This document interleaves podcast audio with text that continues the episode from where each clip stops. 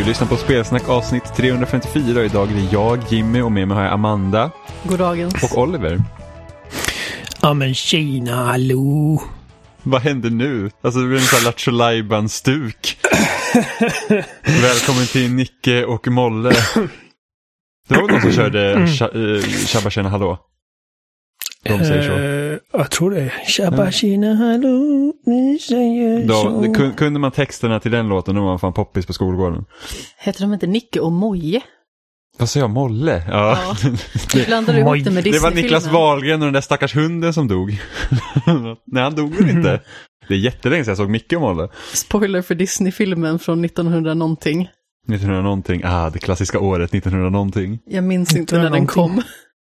Ja, gud. Ja, det, det, det, det, det är december nu. Var det det du ville ha Det- sagt? ja, men det, helvetesåret 2020 är snart över, så går vi in i helvetesåret 2021. Alltså det kommer inte bara, för alla snackar om att "Åh, 2020 var så jävla hemskt och det, det har varit hemskt. Men det kommer inte bara magiskt bli bättre nästa år heller så att... eh, det, Nej, men, men det behöver inte bli sämre heller. Förhoppningsvis blir det inte sämre. 2020 är det nya normala, så att bara, så här, bara oh, 2021 är bara en fortsättning. Nej, jag vet, det kommer inte bara helt lösa sig. Jag kommer ihåg att det var samma sak för 2019 var folk också så här, oh, vilket jävla skitår. 2020 ska bli mycket bättre, vi går in i ett nytt decennium och sen så bara, fuck you. Jag har för mig att det var 2016 som många avskydde så himla mycket för att det var många kändisar som dog då. Ja, och Trump blev president. Just ja. liksom, det kan ha någonting med det att göra också. Ja, ja men det, det är i alla fall definitivt en, ehm, en eh, uppgradering vi får nästa år. Är, är att vi, eh, vi blir av med honom. Ja, förhoppningsvis. Förhoppningsvis ifall han faktiskt ger sig och inte typ går ner med skeppet. Han kanske, tar, han kanske sänker skeppet och följer med ner.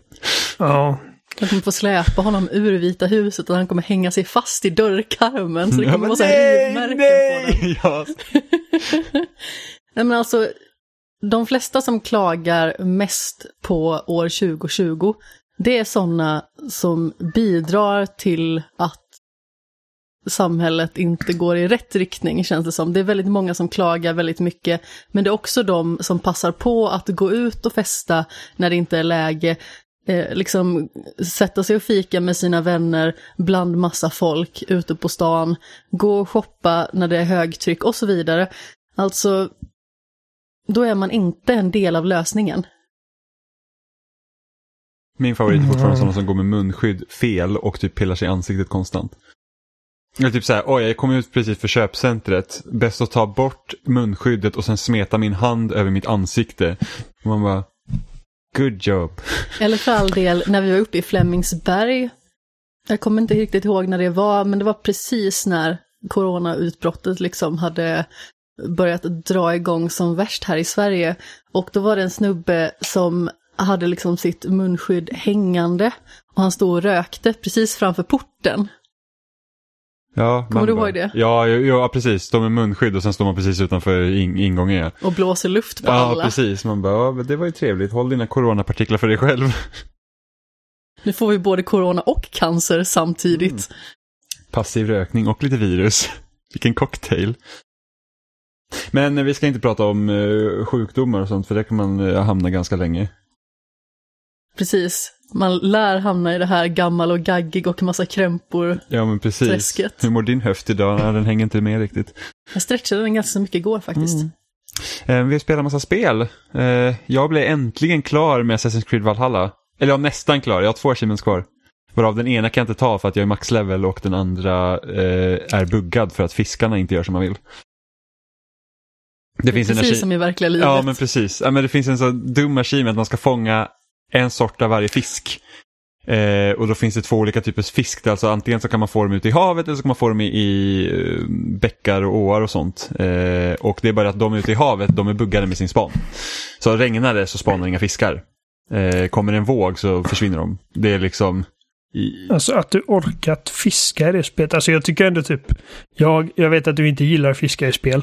Nej, det är värdelöst. Eh, jag har lite mer uh, tålamod för så här fiskeminispel i... Typ jag, jag, jag fiskade ganska mycket i eh, Final Fantasy 15. Med Eh, automata också. Nej, där fiskar jag faktiskt ingenting. Det gjorde Eh, jag. Jag strävade efter att ta den fisketrofén. Jag tror Oliver köpte den fisketrofén. Ja. Skurk. Man, man kan ju bara betala för alla troféer i, det spelet. Ehm, men, men alltså fisket i, det här, i Valhalla är ju helt uselt. Alltså jag tycker att typ fiskeminispel i alla spel är helt usla. Jag liksom så här, det är liksom ingen skillnad i vilket spel. Det är alltid tråkigt att fiska och det är liksom, det är sällan Red, de gör Red det Dead roligt. Redemption 2, fan vad länge jag har fiskat för att det är liksom det. Du har eh, så här olika beten och du måste typ identifiera rätt fisk. Det, det är mycket mer Ja, involverande. jag vet, ju, ju mer komplicerat Eh. ett fiskeminispel är ju värre tycker jag det är. Nej, men det, nej. Det, Jo. det, det är då det blir liksom, alltså då blir det ju ett spelmoment av det. Inte Ja, men, bara... det, ja, men det är bara att jag tycker inte att det är kul. Det är så att jag vill inte hålla på och samla olika bet och så har man fel bet och så måste man ha ett annat spö och så bara, äh, fy fan. I Animal Crossing och i Stardew Valley är det perfekt. Det är väldigt meditativt och mysigt, plus att man tjänar ganska så bra pengar på det. Ja, ja men i Animal Ja. Crossing accepterar jag att fiska för att det är så man tjänar pengar. Seabass. Ehm, Sjöbajs. Ja, verkligen. ja, men i Valhalla så är det liksom bara nej. Alltså, Nej, men alltså, nej. så här är det, jag tycker inte att det är kul att fiska i Valhalla. Jag, jag tycker också att det är helt värdelöst, därför har jag typ sparat den eller achievementet till sist. Men speciellt när det är buggat också. Och sen så är det så att ja, men det är, du har större chans att få bra fisk om du liksom är på en båt lite längre ut till havs och inte står liksom i strandkanten. Det är också buggat. För att jag har varit många gånger där jag liksom ska, fisken liksom kommer så nära, så nära, men min gubbe lyfter inte upp fisken utan den simmar under båten och drar vidare. Och det är, Det är så att nu det går som- inte att få upp den. Det är nu man är så här att man kan skatta sig lycklig över att det är på Xbox man kör för att där behöver du i alla fall inte ha ångest över att du är buggad från att ta en, en Platinum. Nej, men alltså det är bara att jag bryr mig inte om troféer på det sättet. Nej, men alltså om, om du gjorde det. Alltså, Ja, precis. Ja, precis. Om det är så att åh, jag älskar att ta Platinum så jag ska ta Platinum i det här spelet. Nej, precis. Ja. Så är det ju inte. på Xbox eh. är det okej, ja men det, jag har två kvar att göra. Eh, men du Ja. får ju liksom ingen... Du Och sen kommer liksom ett DLC ingen, och så försvinner 100% på den. Ja, precis. Det är det som är mer störigt. Eh. Eh, Men det, alltså, jag spelar 110 timmar Assassin's Creed Valhalla och det är liksom så här att var en, ända sedan Origins så var jag så här att jag kommer ihåg när Origins kom och det var så här skitstort. Och man var så här, shit, alltså 50 timmar i det här spelet, det, det var lite väl mycket. Sen så bara, ah, Odyssey kommer året efter. Då bara, ah, men vad bra, då kanske det är liksom ett mindre fokuserat spel eftersom det, det kommer så snabbt efteråt. Det var ännu större.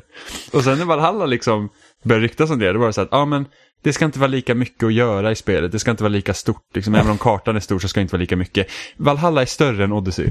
Du har väl haft en stadig ökning med 30 timmar per spel? Du spelade Ja. väl typ 80 timmar i Odyssey Ja, och fem- sen 110 Ja, nu. fast med Odyssey så var det i alla fall med, med DLC också. Alltså, eh, när de sa att det var mindre så de tänkte väl på själva ytan. För det känns som att Odyssey är liksom större. Kartan är större för att det är Alltså- mycket hav och sånt också. Alltså det, det finns... Eh, det finns åsikter om den där kartan som säger emot varandra. För vi har ett, ett, eh, ett argument, eller ja, ett argument. En utvecklare sa att nej, kartan är inte lika stor. Och sen så kom det typ några veckor efter om att jo, det är den största kartan de har gjort. Så att jag vet Okej. inte.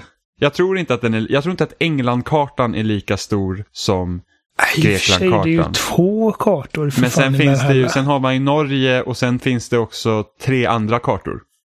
Som man kan komma till. Som jag inte vill spoila. Det är sant, men ja, nej, jag, jag tänkte bara att just England, Mm. som faktiskt den största delen av spelet utspelas på. Mm. Eh, men, men jag tycker faktiskt den, den är inte lika Valhalla, stor som Odyssey. jag tycker spelmässigt är Valhalla det bästa av de här tre sen de gjorde om systemet.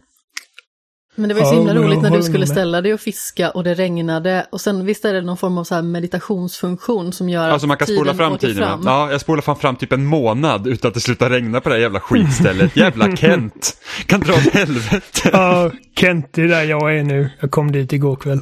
Ja. Eh, Ja, då, ja, jag vet inte vilken ordning du har gjort det, men du har nog ganska mycket spel kvar. Jag har gjort det i ordningen som är liksom level. Alltså, Ja. va- Ehm, man ser ju liksom när man markerar typ ett område liksom vilken rekommenderad level man har. Och jag har tagit den i liksom från lägst till högst. Mm. Ja, men det, Ehm, det, jag tror det, jag tycker minst Alltså det som är lite synd med Valhalla det är att det hamnar lite i samma i samma spår som Black Flag gjorde. Att det har inte så mycket med typ Assassins och Templars och sånt att göra utan det känns verkligen så här eh, puttat åt sidan. Det känns inte som att Odyssey gjorde det heller. Nej men det var ju ändå, det la ju ändå Jag grunderna. minns inte så jävla mycket men... Odyssey la ju ändå grunderna till typ mycket av det som hände fr fram i serien och speciellt alltså Cassandra visar sig vara en väldigt, väldigt viktig karaktär. Med tanke Ja, med på... evigt liv. Ja, med tanke på staven Men- och allt det där. Ja. Det liksom blir en större cent central del. Eh, och Origins la ju grunden för liksom vad som faktiskt blir liksom hela lönnmördarorden. Eh, Valhalla vet jag inte riktigt. Alltså det, Valhalla tar tag i lite saker som hände också i Black Flag. Eh, och hur vissa saker fungerar där. Men det är liksom hela den mytologin är så jävla fakt så att man har ingen koll. Så långt som jag har kommit så är det, alltså, det har typ ingenting med Assassins att göra. Alltså, man, man känner ju två stycken Mm. som är Assassins. Och Mm. eh, man dödar Templars. Eh, men Ja. inte för att de är Templars utan för att det är liksom bara det är gemensamma fiender. Alltså, Eivor dödar inte Templars för att det är någon sorts liksom Assassin eh, eh, mantra vad man ska säga. Det är Mm. liksom bara ett gemensamt mål de har. Eh, Men det blir så konstigt där också för att det, när man dödar de här, man går igenom ordermedlemmarna precis som man har gjort i Odyssey och eh, Origins. Man har ju det där liksom orderträt. Eh, och det är liksom så här typ att när man gör det så bara, ah, jag, jag rensar ut eh, England från dessa avskum liksom. Ja, genom att typ raida och plundra liksom och sådana grejer. Ja. man bara, det, det kände jag redan från början i Valhalla var det så himla konstigt. Så man så här, ja, så vi är ju inte the good guys. Så att jag förstår liksom inte riktigt vad vår anledning till att liksom gå och döda de här templars. För att det är så här, Are we the baddies? Ja, men det är så här, vi är de onda. Och vi ska då rensa ut de här andra onda som någon annan snubbe från något annat land har bara sagt att de är onda. Och man bara, okej, sure, det kan vi göra. ja. Alltså det är väldigt märkligt. Eh, men sen var det, alltså efter Valhalla och sånt så kände jag liksom att jag behöver spela någonting annat. Så att jag tog faktiskt tag i Forza Horizon för första gången sen i princip det var nytt. Jag har försökt starta Horizon 4 flera gånger när jag känt att jag behöver ha ett mellanspel. Och bilspel är väldigt bra på det. Men alltså när man hoppar in i Horizon 4 och liksom kollar på den kartan. Alltså man vet ju inte ens vart man ska börja. Nej, det, För den är det så är förvirrande full. som fan. Ja, så att jag började starta DLC. Så jag köpte den här Fortune Island. Eh, för det var på rea. Ett DLC som jag inte var intresserad av på förhand för att det var så att det såg inte kul ut. Men det var ju typ bara dirt racing och sådana grejer, vilket jag tycker är roligast. Så det var ju skitkul. Eh, och sen så startade jag också alltså Lego DLC, vilket är riktigt bra. Alltså det har så himla Det mycket charm allt i Lego. ut. Har, du har inte spelat Lego-delen eller? Mm, mm, nej, jag har inte spelat något DLC. Ah. Ja, Båda, båda delserierna är jättebra. Alltså det är liksom, det är liksom mer Horizon och det, det kändes liksom, det var enklare att hoppa in och få liksom en ny del av en karta än att hoppa Ja. in i den första kartan. Man Som- alltså det är så mycket ikoner på den här kartan, jag vet liksom inte, vad vill jag ens göra? Så man har Vad- fokus liksom. Ja, Det ser ut som ett myrbo liksom. ja men det gör ju det. Eh, så att jag spelar väldigt mycket, det, det är ofta så här, det har blivit så Horizon för mig, förutom då det första och andra spelet, att, att jag spelar inte jättemycket när det är nytt. Men sen så typ tar jag tag i det och spelar nästan dubbelt så mycket vad jag spelat tidigare eh, sen. För liksom, nu har jag ju kört ja, två, två expansioner och liksom gjort massa olika grejer. Så att det, det har varit jätteroligt. Eh, så det, det är lite det jag har hållit på med. Eh, vad, har, vad har du spelat, Amanda? Ja, alltså, jag har ju spelat egentligen två palettrensarspel på varandra. Alltså jag sitter dels och väntar på ett recensionsspel som med största sannolikhet kommer att eh, sändas ut någon gång i veckan. Och eh, sedan har jag liksom känt att jag har inte riktigt varit redo för att ta mig an något eh, berättelsedrivet. Så först så spelar jag igenom det här Journey-läget i eh, Tetris Effect. Och när jag hade gjort det så tänkte jag att ja, men jag ska spela någonting annat. Men sedan så kände jag att nej, jag är liksom inte riktigt sugen på att spela något annat. Och du har också spelat ganska så mycket Tetris i och med att eh, det finns på Game Pass nu på Xbox. Det här Connected. Så eh, då har vi liksom suttit och spelat väldigt mycket Tetris bredvid varandra, vilket har varit oerhört mysigt. så jag började gå igenom de här effektlägena och försökte att ta troféer och att eh, få liksom lite högre ranking på de där. Så eh, bland annat har jag ju testat det här eh, när allting går svinfort. Det finns vanligt maraton och chillmaraton, alltså att man ska ta bort väldigt många av de här Tetris-linjerna. Det är fortfarande så himla kul är chill maraton för att du kan inte få game over där. Men chill låter ju som att det ska gå liksom, att det ska vara en lugn och behaglig upplevelse. Och så börjar det gå fortare. Så bara, det här är inte chill! Det går asfort! jag fick lite panik när det helt plötsligt började gå jätte, jättefort. Och jag tänkte liksom att ah, men det här kommer vara lite lugnare. Det här kommer vara som maraton, bara det att det är liksom ett litet mjukare och lugnare moment. Men det var ju liksom bara det att man kan inte liksom förlora sin progression helt. Man förlorar ju sina poäng och man måste liksom börja om från början i det här chill mode då ändå. Du börjar från noll. Precis. Men, men brädet resetas inte. Exakt, så man har fortfarande liksom samma mängd tagna linjer. Sedan så finns det sådana här extra roliga där det är all clear.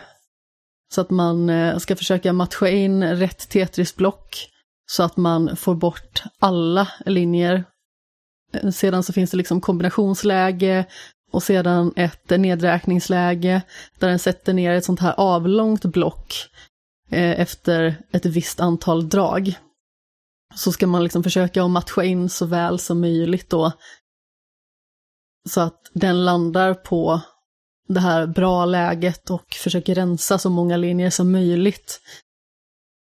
Och sedan finns det ju ett eh, mystery-läge som båda två har eh, vridit våra hjärnor ur led kring. När det börjar vändas upp och ner och bak och fram och mm. konstiga vinklar. Ja, man får... Alltså, Gigantoblock. Ja, ja men mystery-läget är så att eh, efter x antal drag så får man liksom en ny... Eh, det kommer som en ny händelse. Modifier. Precis. Eh, och ibland så kan det vara en kombination av olika sådana. Det kan det, vara minor också, liksom, ja. så att brädet sprängs om man inte lyckas desarmera mm. dem. Och det är liksom, ibland så får man sådana här kombinationer så att det är liksom, alltså, det är nästan som att spelet spottar på en. Det är så orättvist. Det är så här att, oh, men nu går det rätt så bra. Sen så bara, nu slänger vi, på, nu gör vi allt spegelvänt och så kör vi det upp och ner. Och sen så får de här två minerna som sitter på ett jättekonstigt ställe så att du, du liksom, du verkligen känner det. Alltså det är som att spelet krossar dig. Det är liksom bara så att du tyckte att du var bra. Och sen så bara, haha, det är du inte alls. Det är, Alltså orättvist är ordet. Ja men exakt, man känner att man är på gång och så får man uppåt eh, det här upp och nerläget och sedan får man bara sätan och sedan får man ett jätteblock bara för att det ska stampa på en mm. extra mycket när man förlorar. Åh, du ligger ner, synd för dig. Här får du ett liggande L som du inte kan ta dig ur. Mm. Jag tycker dock att Tetris Effekt, för du har ju också spelat Tetris Effekt, eller hur Oliver? Ja, alltså hur många timmar som helst. Har du kört det på Xbox också? Ja. Vi borde nästan sitta och vi tre borde nästan köra multiplayer-läget i Tetris Effect på Xbox. Ja. Och köra lite bossar och sånt. Det är ganska kul. Jag har kul. inte testat uh, multiplayer alls. Uh, gör inte det med slumpmässiga personer Oliver för att uh, jag, jag har kört no några matcher multiplayer och det var att de missförstod ju helt vad läget var. Då, alltså, tanken är att man ska samarbeta mot bossarna. Jag hade mm. en liten mupp, han började ju liksom lägga och förstöra för mig för att han trodde vi körde mot varandra. Och man okay. bara, alltså hallå, sluta! För då liksom, multiplayer-läget är så att du, du, först är man på tre separata bräden och sen efter ett tag så sätts de brädena ihop. Och då ska man då försöka liksom klära så många lines på liksom tre bräden som är bredvid varandra. Så man måste få en, en rak linje mellan alla tre. Eh, det är så man gör attacker. Och där börjar mm. den andra personen liksom förstå, gå, gå in, för då kan man peta på allas bräden. Liksom. Då kommer den ena liksom börja förstöra och lägga liksom så att man, liksom, man, då kör man liksom i ordning så att säga. Alltså det är så att jag lägger först och sen lägger nästa och sen lägger nästa då. Och så får man liksom planera då, så, ah, här ser jag en lucka, här, jag, här passar mitt block in. Och den andra börjar liksom förstöra och lägga liksom block i vägen och sådana grejer, så liksom gör hål. Eh, man var såhär, nej, alltså frustrerande. Så har man liksom inte, man sitter ju inte i gamechat eller någonting sånt, man kan inte kommunicera. Tack och lov. Ja, jo, faktiskt. Men, men man kan inte kommunicera med varandra. Så det är... men, men en sak jag tycker är ganska intressant med Tetris är ju det att liksom, det är typ ett av de mest klassiska spelen som finns är det att de senaste åren så har vi fått liksom två väldigt liksom radikalt olika Tetris-spel som båda är riktigt bra och då är det Tetris Effect som är liksom en väldigt audiovisuell upplevelse. Speciellt om man kör mm. i VR. Eh, alltså i VR är det helt oslagbart. Alltså det är typ så här som man ska typ gå på Cosmonova och spela Tetris typ. Eh, och eh, Tetris Cosmonova. Finns det fortfarande? Självklart. Efter corona, ingen vet, men eh, ja, det finns. Eh, gud. men, eh, men sen har vi Tetris 99, vilket är liksom så här Battle Royale Tetris då, som är helt fantastiskt. Men Tetris är ju väldigt meditativt på något vis, alltså fram till att det börjar balla ur och gå kanonfort. Men, eh, alltså kanske lite onödigt mycket information, men jag har väldigt sällan ganska så elak mensvärk, men jag hade det i veckan och då satte jag mig och spelade Tetris Effekt och då gick den över. Ja, vad bra. Så det var väl väldigt avslappnande då helt enkelt. Tips att- till alla då som, spänns. som... Ja. Det kan funka. alla med livmoder som har jätteelak mensvärk där ute. Testa att spela Tetris Effekt. Jag garanterar inte resultat. Nej, men man kan ju testa. Ja. Nej, Tetris Effect är awesome. Det är jättemysigt. Mm.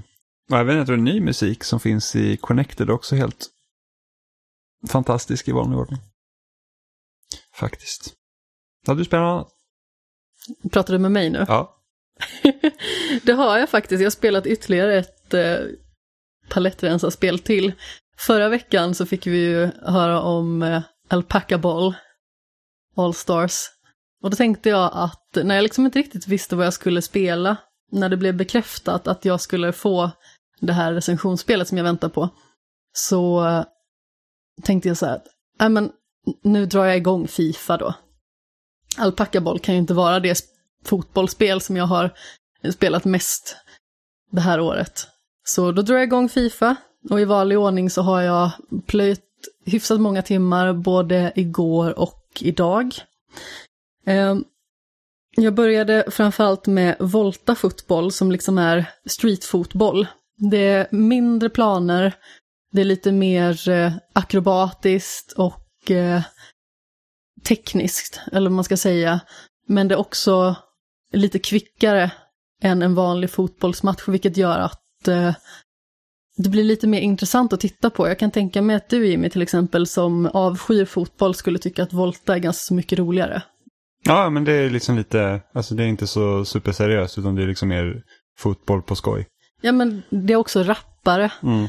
vilket eh, många liksom har problem med i vanlig fotboll i och med att planerna är så stora och det blir kanske inte så jätteofta mål.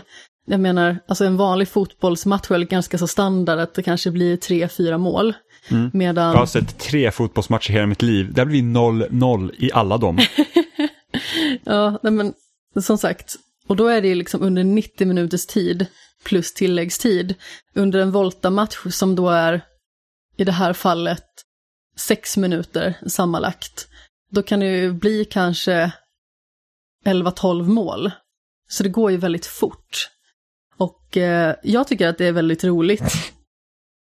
Sedan så finns det liksom en liten berättelse som heter Debuten som är eh, knuten till voltaläget.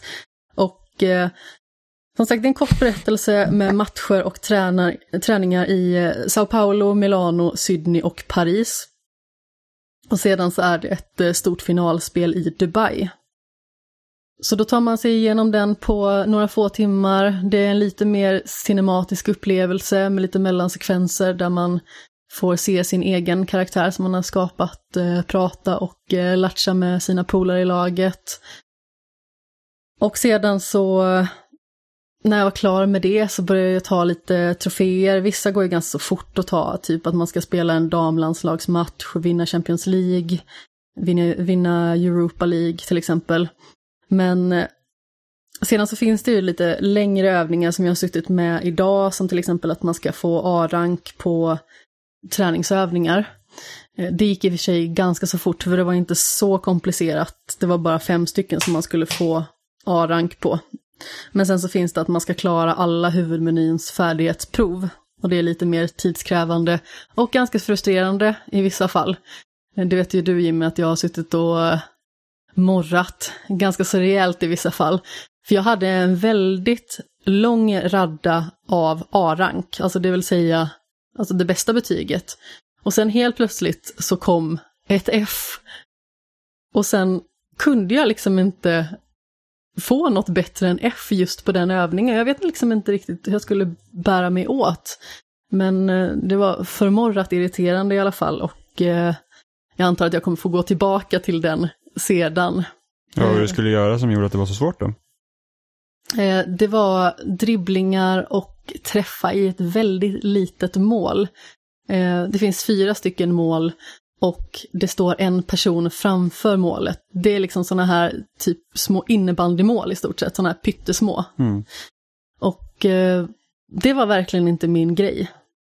I stort sett allt annat är görbart, men just den, det ville sig inte. Men, eh, ja, som sagt, jag tog en del eh, troféer, bara för att det är lite skoj och ett mysigt tidsfördriv egentligen också, som har något mer mål än att man bara ska vinna en enstaka match sådär. Um, och däremot en grej som jag gjorde ikväll, eller ikväll, igår kväll. Eh, Amanda hade varit i framtiden jag ser in i framtiden när jag har Så det är spelat. Playstation 6 Amanda, du som Ja. kan liksom hoppa lite fram och tillbaka. Den flyger, den, den hovrar över mediabänken. Sony gör en kombination av drönare och spelkonsol. Exakt. 2029. Väldigt modernt. Mm. Hur som haver, igår kväll när jag satt och spelade medan du stod och lagade mat Jimmy, så spelade jag en online-match, vilket är något som jag väldigt sällan gör. Och eh, det var några av de mest olidliga minuter över nätet som jag har varit med om. Trofén gick- gick ut på att man skulle vinna en match ihop med tre andra spelare. Slumpmässiga då. Eh, I det här fallet, i och med att jag tänkte inte söka upp de vänner som faktiskt har Fifa 21 och eh, spela med dem, utan jag tänkte att ja, men, det här är fort avklarat. Jag menar, det är sex minuter sådär som man behöver Och så får man spela. hoppas att man vinner då. Så får man hoppas att man vinner så att man inte behöver göra om det. Och eh, det här kanske är väldigt fördomsfullt av mig, men själva känslan kring den här trofén var att snubbar ska en snubb. För att jag var den enda spelaren av, tror att det var åtta, jag har för mig att det var fyra, fyra mot fyra som möttes. Jag var den enda spelaren som hade en kvinnlig avatar. Och eh, alltså spelade med en, en kvinnlig fotbollsspelare på plan. Och jag tror inte att det är en slump att jag blev passad en gång. Under hela matchen. Och det var så himla frustrerande för jag kämpade och kämpade och jag gjorde tre stycken kanontjusiga målpassningar. Vilket man får ganska så liksom hög poäng för på sin spelare. Eh, så jag kände liksom att jag kämpade och jag försökte tackla de andra spelarna för att kunna vinna boll åt mitt lag. Och så blev jag bara passad en enda gång av de andra. Alltså i vissa fall så var det ju sådana här eh, hyperindividualister som eh, var personer alla här kommer jag, som inte bryr sig om någon annan. Men de passade ofta varandra och jag fick inte bli passad någonting. Och jag tycker att det är så himla oförskämt. Och eh, liksom, om jag är fördomsfull som tänker att ja, det är bara snubbar som inte vill passa en tjej, så är det ju förmodligen de som har varit fördomsfulla först och inte passar en tjej. För att tjejer kan ju inte spela fotboll, det vet väl alla? Eller tjejer kan ju inte spela tv-spel. Det vet väl alla? Jag kommer aldrig glömma första gången jag hörde en tjej i Game Chat på 360 när vi spelade Halo Reach. Eh, och det var så kul för att vi var i, fan vad det för läge jag körde? Det var, undrar om det kanske var typ Team Doubles eller någonting sånt så att det var, var ganska lite eller någonting sånt. Men det var den här tjejen då, hon dödade mig, satte sig gränsle med min karaktär, teabaggade mig som satan och bara Fuck you bitch! Och jag bara, åh nej! Min avatar i Halo är också en kvinnlig Spartan. Liksom. Och det är inte för att det är så jättestor skillnad på den kvinnliga och manliga liksom, karaktärsmodellen, men det finns små, små skillnader. Liksom. Hon, hon var jätteotrevlig mot mig. Jag har aldrig hört Noterat. en tjej i game chat. ja, men det är inte så konstigt att folk inte vill sätta sig i game chat. med tanke på hur Nej, otrevligt nej, men alltså jag gör inte det heller. Och det är liksom... Mm. eh, eh, så fort jag hör någon så bruk, brukar jag muta dem bara för att jag inte vill höra folk. Men Det kunde vara Så- rätt så kul att sitta i GTA 4s gamechat för att det, det uppstod ganska många så här märkliga situationer mellan personer när de liksom pratar med varandra. Men det känns ju ganska så klassiskt GTA. Men i det här fallet så, kontentan, eller för att knyta ihop det, så är jag väldigt lättad över att vi vann och att jag fick trofén så att jag inte behöver göra det här igen. Och eh, slapp potentiella arga meddelanden i efterhand. Mm. Jag saknar de arga meddelanden man brukade få när man satt på mobilt internet. Bara gå och skjut dig själv och skaffa bättre internet. Och man bara, ja vad trevlig du är. Jag kommer när jag, det kanske var senast jag och Sebbe körde en match i Halo. Ja. Eh, för att han spelar inte ofta. Eh, och föredrar att spela single player för att han, han känner liksom att, äh, fan.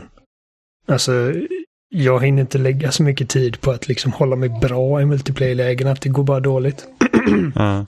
Men vi körde online och han, han hade typ fem kills och 27 deaths eller något sånt där. Gud. och, och han brydde sig inte. Han var, han var nöjd med det liksom. Eh, men så fick han ett meddelande direkt efter att matchen var klar och vi förlorade givetvis.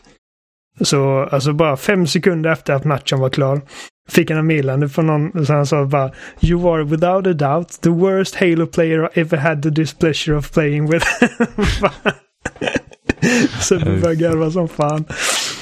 Alltså, men just det där med fotbollen, det, det hade varit intressant att göra typ någon sorts studie, liksom att man kör tio matcher med kvinnliga avatar och tio matcher med manliga avatar och se hur många passningar man får. Mm. Eh, det, det är alldeles för mycket jobb för att jag hade orkat göra något sånt, men alltså jag kan tänka mig att resultaten hade varit spännande. Jag gillar att säga tio matcher med kvinnlig och tio matcher med manlig och det var för mycket jobb.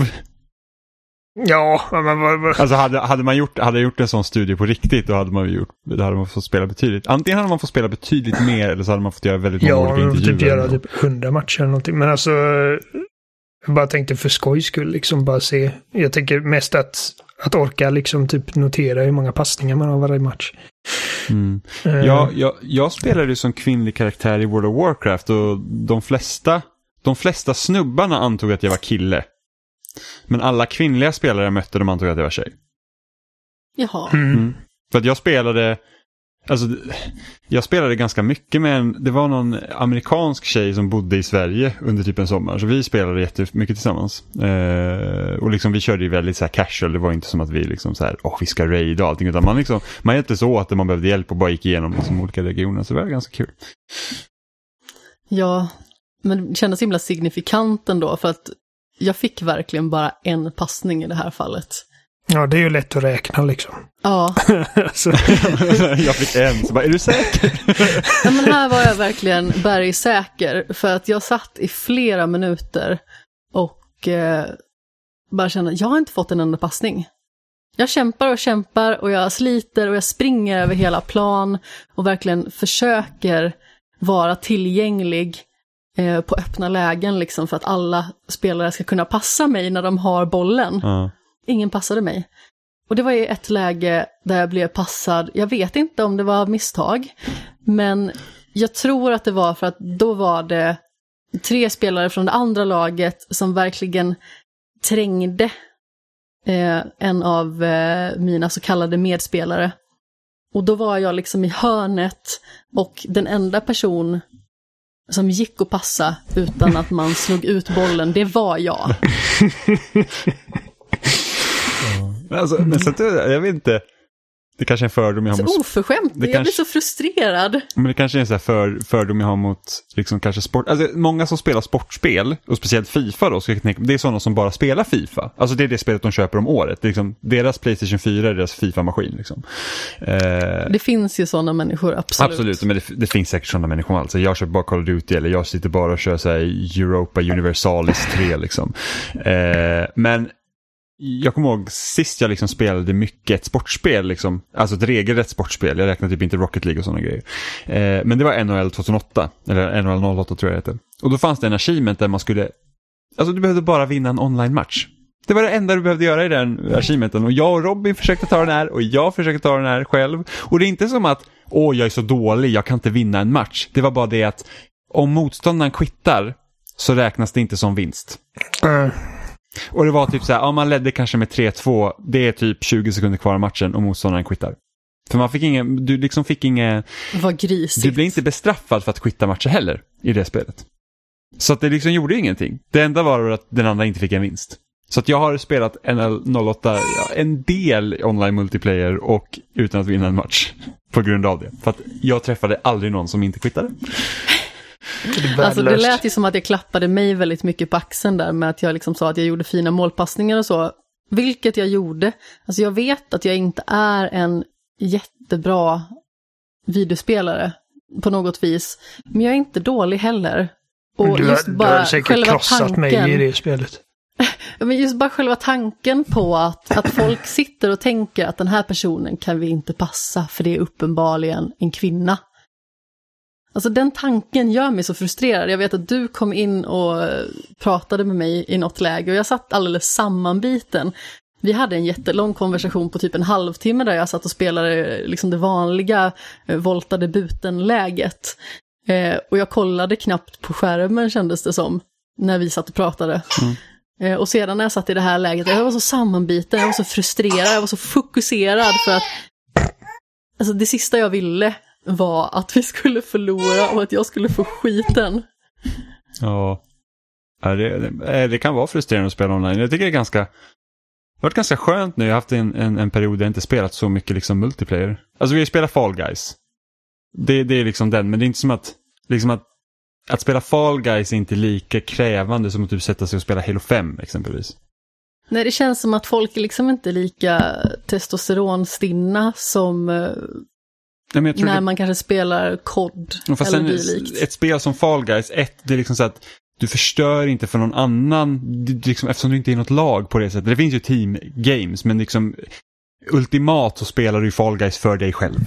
Det är liksom, om, om du vinner så är det du som vinner. Det är inte som att det är ni som vinner. Eller, eller om du åker ut så är det inte vi som förlorar. Utan det är liksom så. Så, att, så att det är liksom mer lättsamt. Eh, samtidigt som inte pulsen är lika hög som man skulle spela ett, ett, liksom ett, ett shooter battle royale som typ eh, Battlegrounds eller Apex. Där liksom så här att Alltså det känns som att adrenalinet måste vara på topp hela tiden för att minsta lilla felsteg så är du liksom körd. Eh, så att eh, det har varit ganska skönt att bara liksom fokusera på single player-upplevelser. Eh, men Oliver! Du hade ju äntligen lyckats få tag i en Playstation 5. Ja. Jag vet inte liksom så här att hur många personer du fick typ slå ihjäl eller liksom om du fick typ lura utanför något Postnord-kontor eller liksom om, om du typ sålde din själ till djävulen. Det låter ju vara osagt. Men då har du i alla fall fått tag i en Playstation 5. Eh, och då är ju vi ja. väldigt nyfikna på vad faktiskt du tycker om maskinen. Ja, var, var börjar man? Alltså, vi, Ja, har du ju- skrotat din PS4? Är den nerpackad inte nu liksom? Nej. Jag är för lat. Jag har inte packat ner varken min Xbox One eller eh, min... Jag gillar så det, det, nu får jag bara framför mig så att Olivers alla gamla konsoler är i en hög. Det är så här, längst ner är typ en liten så här typ gul, um, gulfärgad Gameboy och sen så här Playstation 2, GameCube, bara står på rad. Så här. Eller Jag, på hög. funderat, jag har funderat jättelänge på vad jag ska göra av mina gamla konsoler. Alltså, eh, jag... eh, Först, först var ju tanken att ja, men jag, jag säljer dem. Men alltså det ligger ju uppe säkert alltså hundra, hundratals eh, Xbox One och PS4 för, för försäljning på typ Blocket. Så liksom, eh, alltså, de är inte direkt eh, in demand just nu. Och eh, alltså om jag bara får liksom, vad är det, typ några hundringar för dem så känner jag att jag kan lika gärna kvitta. Eh, jag har försökt ge bort mas- maskinerna, Sebbe vill inte ha den. Ehm, Men han har väl en egen? han har inte en Xbox One X. Men, han, men alltså, men han, han spelar ju egentligen bara på PC nu för tiden så att han bara, äh, vad fan. Nej. Ehm, han, han vill inte ta emot den. Eh, så nu funderar jag bara på att typ, åka till något barnsjukhus någonstans och bara dumpa dem utanför dörren. Ehm, Du behöver inte ens dumpa dem utanför dörren bara. Du kan, du kan kontakta ett barnsjukhus och fråga hej, behöver ni konsol? Fast du är så här, ska du då ge bort din Xbox One X? Har du något spel till den då? Det är så du kan ge mer. ehm, Ja, jag, jag eh, har spel, men de behåller jag ju. Alltså, vad fan, de vill jag inte sälja. Nej, men jag tänkte om du hade något på skiva som du kanske också har digitalt så du kunde ge med. Ja, jag har, jag har ett par grejer. Jag, jo, det har jag. Eh, Du åker till barnsjukhus och bara, jag har en PS4 med PT. PT, ja. Tror jag är en riktig hit. Eh, som de inte kommer kunna spela för att det är på min profil.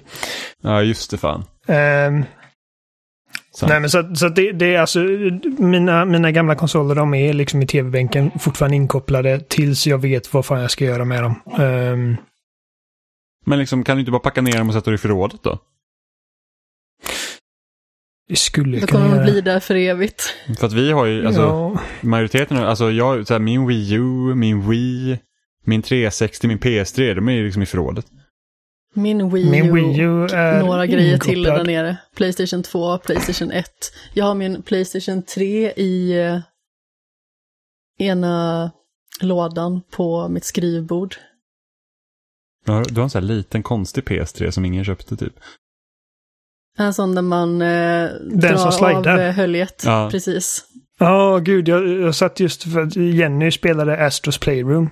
Och så eh, hittade hon den för att alltså collectibles i det spelet är ju olika liksom alltså realistiska modeller av Playstation eh, maskiner och eh, tillbehör och grejer. Och så hittade hon den. Hon bara, vad fan är det för något? Jag bara, det är en Playstation 3, den som ingen har. Och så har Amanda den. Ja. Ja, det är min funktion här i livet. Det är Ja. att ha saker som ingen annan har. Har den där lilla så här, kanadensiska röda Wii Minin också. Nej, men antingen så har man ju första modellen eller så har man den slim-modellen som jag har. Ja, det är samma här. Ja. Eh, men, eh, ja nej, så, alltså min, min Wii U är fortfarande in, in, inkopplad. Och den kommer förmodligen stå... För att alltså med Playstation 4 och Xbox One så de, de fyller ju ingen funktion för mig längre. För att de spel jag kan spela där kan jag spela på mina nya.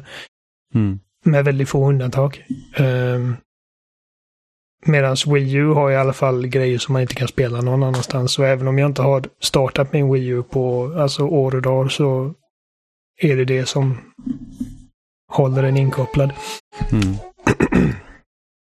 Ehm, men PS5, alltså okej, för det första. eh, negativt. Eh, den låter Gör ganska den? mycket. Ja. Eh, Har du, och- fått, då har du alltså fått en version med den där fläkten som faktiskt låter då? Alltså förmodligen. Och den låter ingenting ifall jag inte har en skiva i. Men så Ah. fort jag sätter i en skiva så blir det... Ja, ja, men det är för att skivläsare låter. Ja, men så jävla mycket. Fan. Min Alltså- PS4 har aldrig låtit så mycket. Ehm, Men hur ofta kör du med skiva i din PS4?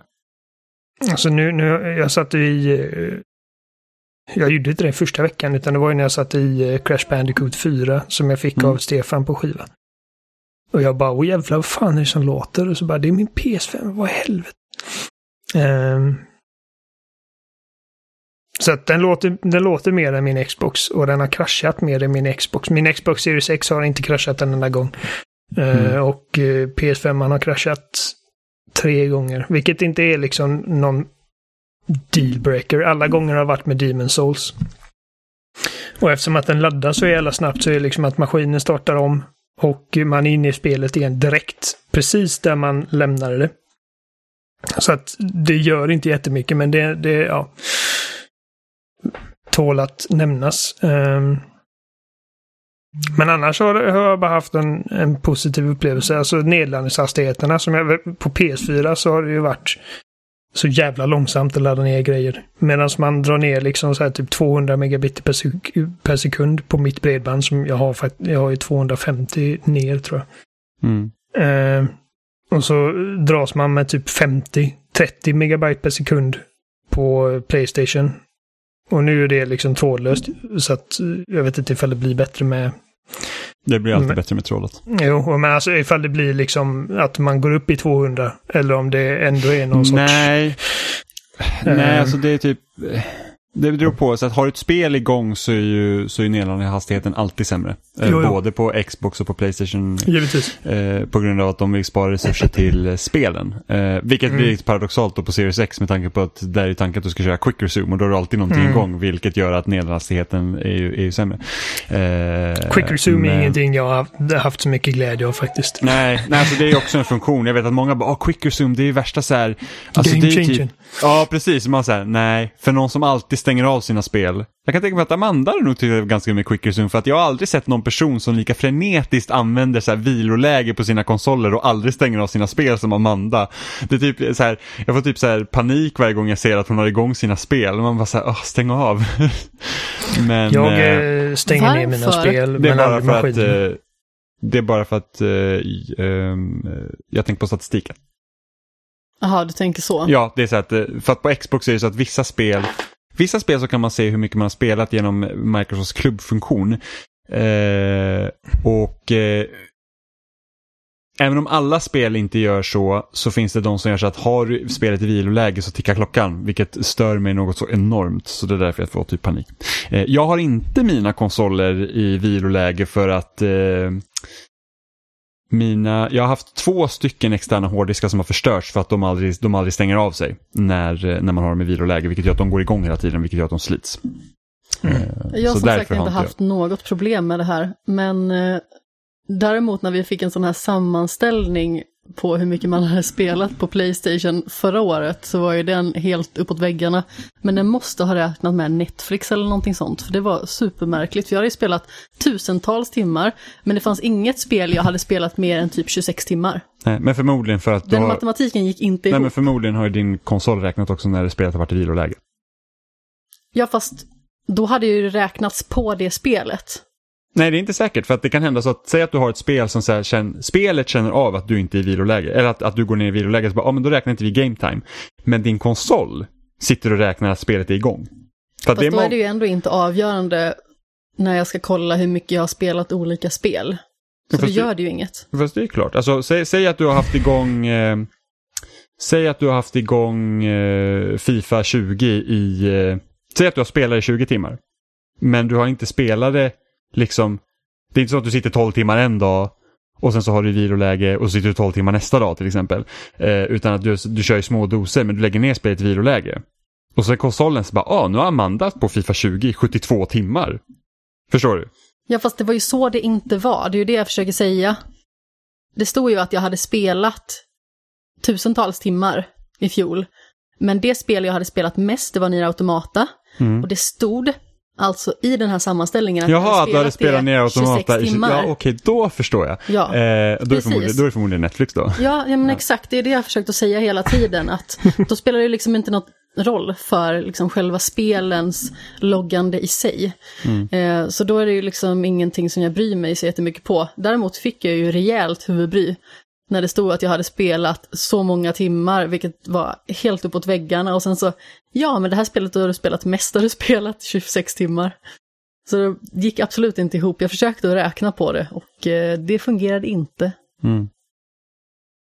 Men det är väl något som finns på PS5 nu, att det räknar speltiden retroaktivt?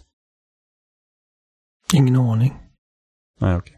Ehm, Det är jag Ja. nyfiken på. Jag tycker sånt är roligt. jag har inte hittat någon eh, sån sida där det står hur mycket du har spelat. Det ska finnas. Ja, okej. Ja, då då har inte jag hittat det. Jag vet att eh, det står liksom typ procent på hur många troféer du har tagit när du liksom har ett spel markerat på dashen. Mm. Funkar Ehm. det för alla spel? För det är också en funktion som finns, har funnits på Xbox i flera år. Det är bara det att det är inte alla Alltså alla achievement räknas, räknar inte den här uh, mätaren och vissa spel har, inte- funkar inte den mätaren alls på. Ja, de jag har kollat funkar. Eh, både Mm. gamla och eh, alltså både PS4-spel och PS5-spel. Är det någon skillnad om det är Sony utvecklade PS4-spel eller PS, alltså Playstation-spel eller om det är tredjepart? Alltså sagt, inget jag har sett ser konstigt ut. Nej. Ehm, och det står Men då är liksom... det något som inte är knutet till trofésystemet då, eller? Jo, alltså det är alltså du ser procenten på troféerna. Ja, Ja. men det har man ju gjort i alla år. Nej men alltså, du, alltså det är så att säg att du har en collect, alltså du har en trofé för att samla de här 20 korten. Jaha, Då är det så nu att åh, du har jag. samlat 60% av de här korten. Då så du kan förstår se jag. liksom progressionen på en enskild trofé. Ja, nu var det jag som missuppfattade det här. Ja, nej, det, Det, det var inte det det, är inte lätt när man inte har sett den här funktionen på Xbox redan och känner till den. Det var inte det jag pratade om. Jag pratade bara Du om att, brun liksom, att du ser hur många alltså, procent du har till eh, att maxa det. Ehm, Jaha, men det kan du göra idag också. Ja, men Ja. precis. Det var ju det jag menade. Ja, ja. Det okej. finns ju redan. eh, Jag vet att det ska finnas en, en trofétracker också i alltså Playstation 5 som räknar liksom att hur, hur, hur långt du har kommit på en enskild trofé. Jag har inte varit och pillat så mycket i trofé, trofélistorna. Ehm, Ja, det enda jag har sett av troféerna på, på PS5, liksom, om man har sett liksom bilder på Johan och sånt, det, det verkar att de har liksom typ tittat på Microsoft och de har tagit bort att, att det har gjort att listan är svåröverskådligare. För att det är typ större bilder och sånt, men jag vet inte om det gäller så för alla grejer. det är större, vad ska man säga, sådana tiles. Mm. Eh, men de är lättare att sortera. Så att eh, man kan liksom bara på ett par knapptryck eh, trycka liksom Not Mm. earned och så kommer de fram. Mm. Ehm, För jag tycker fortfarande att det bästa systemet är det som fanns på 360. ja, alltså för bara att kunna se. För små ikoner och det är inte, inte en lista utan det är liksom ett, ett större bräde så gör att det är liksom lättare att se. Ehm, Ja, nej men alltså. Jag, jag- jag hade problem att hitta troféerna först. För jag, liksom förut på PS4 så är det att liksom du har ju en stor liksom bara troféikon längst Mm. upp. Eh, det har du inte här utan du måste först gå in på din profil och sen på troféer. Ja, okej. Ehm, men ja, alltså, alltså jag, jag vet inte. Jag, jag har spelat eh, primärt eh, tre spel. Mm, och vilka är det? Ehm, och det är Astros Playroom, det är Spider-Man Miles Morales och det är Demon Souls. Mm. Och... Alltså, vad, eh, vad, tyck, vad, tycker du om, vad tycker du om Spiderman? Alltså, det är ett spel som liksom både jag och Amanda har pratat ganska mycket om eftersom vi har spelat Ja. det. Men liksom, vad, vad tycker du om Spiderman? Om det är liksom det, det är bra. Alltså, eh, Miles är lätt att tycka om. Ehm, och... eh, alltså, det, det, som jag, det som jag känner är den största liksom, uppgraderingen. Eh, enskilda uppgraderingen från det förra spelet är bara liksom hur, hur mycket mer dynamiskt eh, svinganimationen är. Eh, att han har liksom så många fler olika rörelser baserat på hastighet och liksom vilken vinkel du släpper nätet i och, eh, eh, och även dina airtricks. Medan jag tror att Peter Parker i förra spelet hade väl typ tre olika airtricks du kunde göra. Ett sidan, ett upp och ett ner. Medan här så finns det hur många som helst. Um, vilket gör liksom svingandet ännu mer roligt bara för att liksom du, du även när du är i luften och inte, alltså mellan svinga, äh, eh, sving, animationerna så gör du grejer hela tiden, vilket känns jävligt kul. Och det är liksom inte bara samma trick om och om igen, utan det är, ja, det är grymt bra animerat alltihop. Mm. Eh, Har du klarat ut det? ja, jag har tagit Platinum till och med. Eh, Ja, vad bra. Då är vi tre. Då är vi tre. Ja, men det var bara liksom, alltså, lätt spel. Liksom, att ta Platinum i, det var liksom inte några större problem. Det var liksom okej att du ska spela det på New Game Plus en gång som var lite okej. Ja, men sen är spelet bara typ två och en halv timme långt också. Ja, ifall man bara drar Så- igenom Om man bara drar igenom eh, storyn. storyn precis. Eh, men Eh, körde du i performance mode eller körde du på med typ, eh, eh, typ boostade grafiken med ray tracing Mode kallas det. Ja, med, För- med ray... Ja, Vad innebär för- Fidelity? Det är att du har liksom det största grafiska umfet va? precis. Och Mm. alltså det... Det är trevligt att svinga runt i 60 bilder i sekund. Och, och kanske framförallt att liksom slåss med massa fiender i 60 bilder per sekund. Mm. Men där är första gången som jag känner att Ray Tracing faktiskt erbjuder någonting som jag har svårt att leva utan. För att det var liksom, jag berättade om att jag spelade eh, Devil May Cry 5 Special Edition och hade Ray Tracing. Och jag bara, det här, det här gör verkligen ingenting för mig. Liksom att den här pölen är lite mer reflektiv. Eh, Oj, jag, jag kan se Dantes snygga ansikte när jag kollar ner i vattnet. Ja, precis. Lite drömskt. Eh, Ja, detta svallande hår. Men när man spelar det liksom, alltså... När man spelar det, man går inte runt och liksom eh, studerar grejer. i och pölar och grejer. Man har inte tid för det. För Så det är att, inte alltså- det vad spelet handlar om. Liksom. Nej. Du, du ska inte leva dig in i den här typ blodådern du springer igenom utan det är typ du ska liksom slåss mot monster och det ska liksom kännas bra. Nej, och så slåss där, mot monster. där stängde jag av det så att jag kunde ha Mm. liksom 4K och eh, bara liksom låst 60. Eh, här däremot så är liksom att det är så mycket reflektiva ytor och det är så jävla detaljerat. Alltså bara liksom om man typ zoomar in på Miles dräkt, liksom att man kan se varenda liten fiber i hans dräkt. Mm. Eh, och hans, eh, liksom de här röda detaljerna han har på dräkten, de är också reflektiva. Så man kan liksom Mm. se typ Alltså, det är ju ingenting man ser ofta, men man kan i teorin se liksom bilar på marken reflekteras i hans rygg. Eh, alla skyskrapor är ju väldigt reflektiva. Det är bara, alltså, Vad fan har han för material i sin dräkt som gör att det tyget är så reflektivt då? nej, men det, de röda detaljerna är inte tyg, det är ju någon form av... Typ, Diskotyg. ja, nej, men det är ju någon form av typ eh, polerad gummi eller plast eller någonting. Alltså, typ, ja men spandex. Gud, det enda jag tänker, alltså Amanda gör den här typ, eh, här, typ 70-tals staying alive movesen och det enda jag kan tänka på är de här jävla disco-zombiesarna från Saturday Plants vs. Zombies. Eh, Ehm. ja, men typ någon form av spandex då. Så att det, är, så, det är bara liksom, det är så fruktansvärt jävla imponerande rent grafiskt i Fidelity Mode. Och jag har ju spelat eh, originalet till PS4 i 30 bilder per sekund och tycker att det känns hur följsamt som helst. Så att Ja. det, liksom, det fungerar. Enda gången som bilduppdateringen känns otillräcklig det är de första två minuterna efter att man byter från performance mode. Mm. Ehm, Men då, då, då blir det väl lite den här grejen som när vi snackade om Forza Horizon, liksom att vilket läge vi väljer att spela det i när, man, när vi köpte One X. Och det var ju det så att mm, man har ju spelat Horizon-spelen i 30 bilder i sekunden så länge att, mm. för du valde väl också att köra i Fidelity Mode på Horizon? Så att du liksom att det ser snyggare ut. Ja, Ja, bara för att så här, det har funkat i 30 så jag kan lika bra köra i 30 och få det att se lite trevligare ut. Mm. För att eh, liksom, det var det när jag, satte igång det, när jag satte igång performance mode i Horizon så, så var det liksom att åh, träden är fulare. Eh, och min, min, eh, ska man säga, min instrumentbräda är inte lika detaljerad liksom. Ja, det ser inte för du, lika skarpt du, ut. du, du kör ju cockpit view. Ja. Ja, så att jag, Mm. eh, jag bytte tillbaka ganska snabbt. Hade jag kört liksom en längre period med 60 så hade det varit svårt att gå tillbaka. Mm. Eh, men eh, jag gjorde inte det, jag bytte tillbaka ganska snabbt. Ha, har, Eh, du, har du spelat eh, den remaster versionen av Spider-Man 4? Eh, Nej, av Spider-Man på Ja. PS5 som fanns på PS4. Har du Eh. remasterversionen? Ja, det har eh, Har du spelat det? Ja, det har.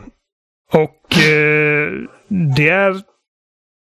Alltså det är också helt eh, sinnessjukt snyggt. Och det är, jag, har hört, jag har hört att det spelet ska vara snyggare än Miles Morales.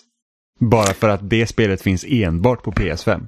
Medan Miles Morales är ju en PS4 och PS5-titel.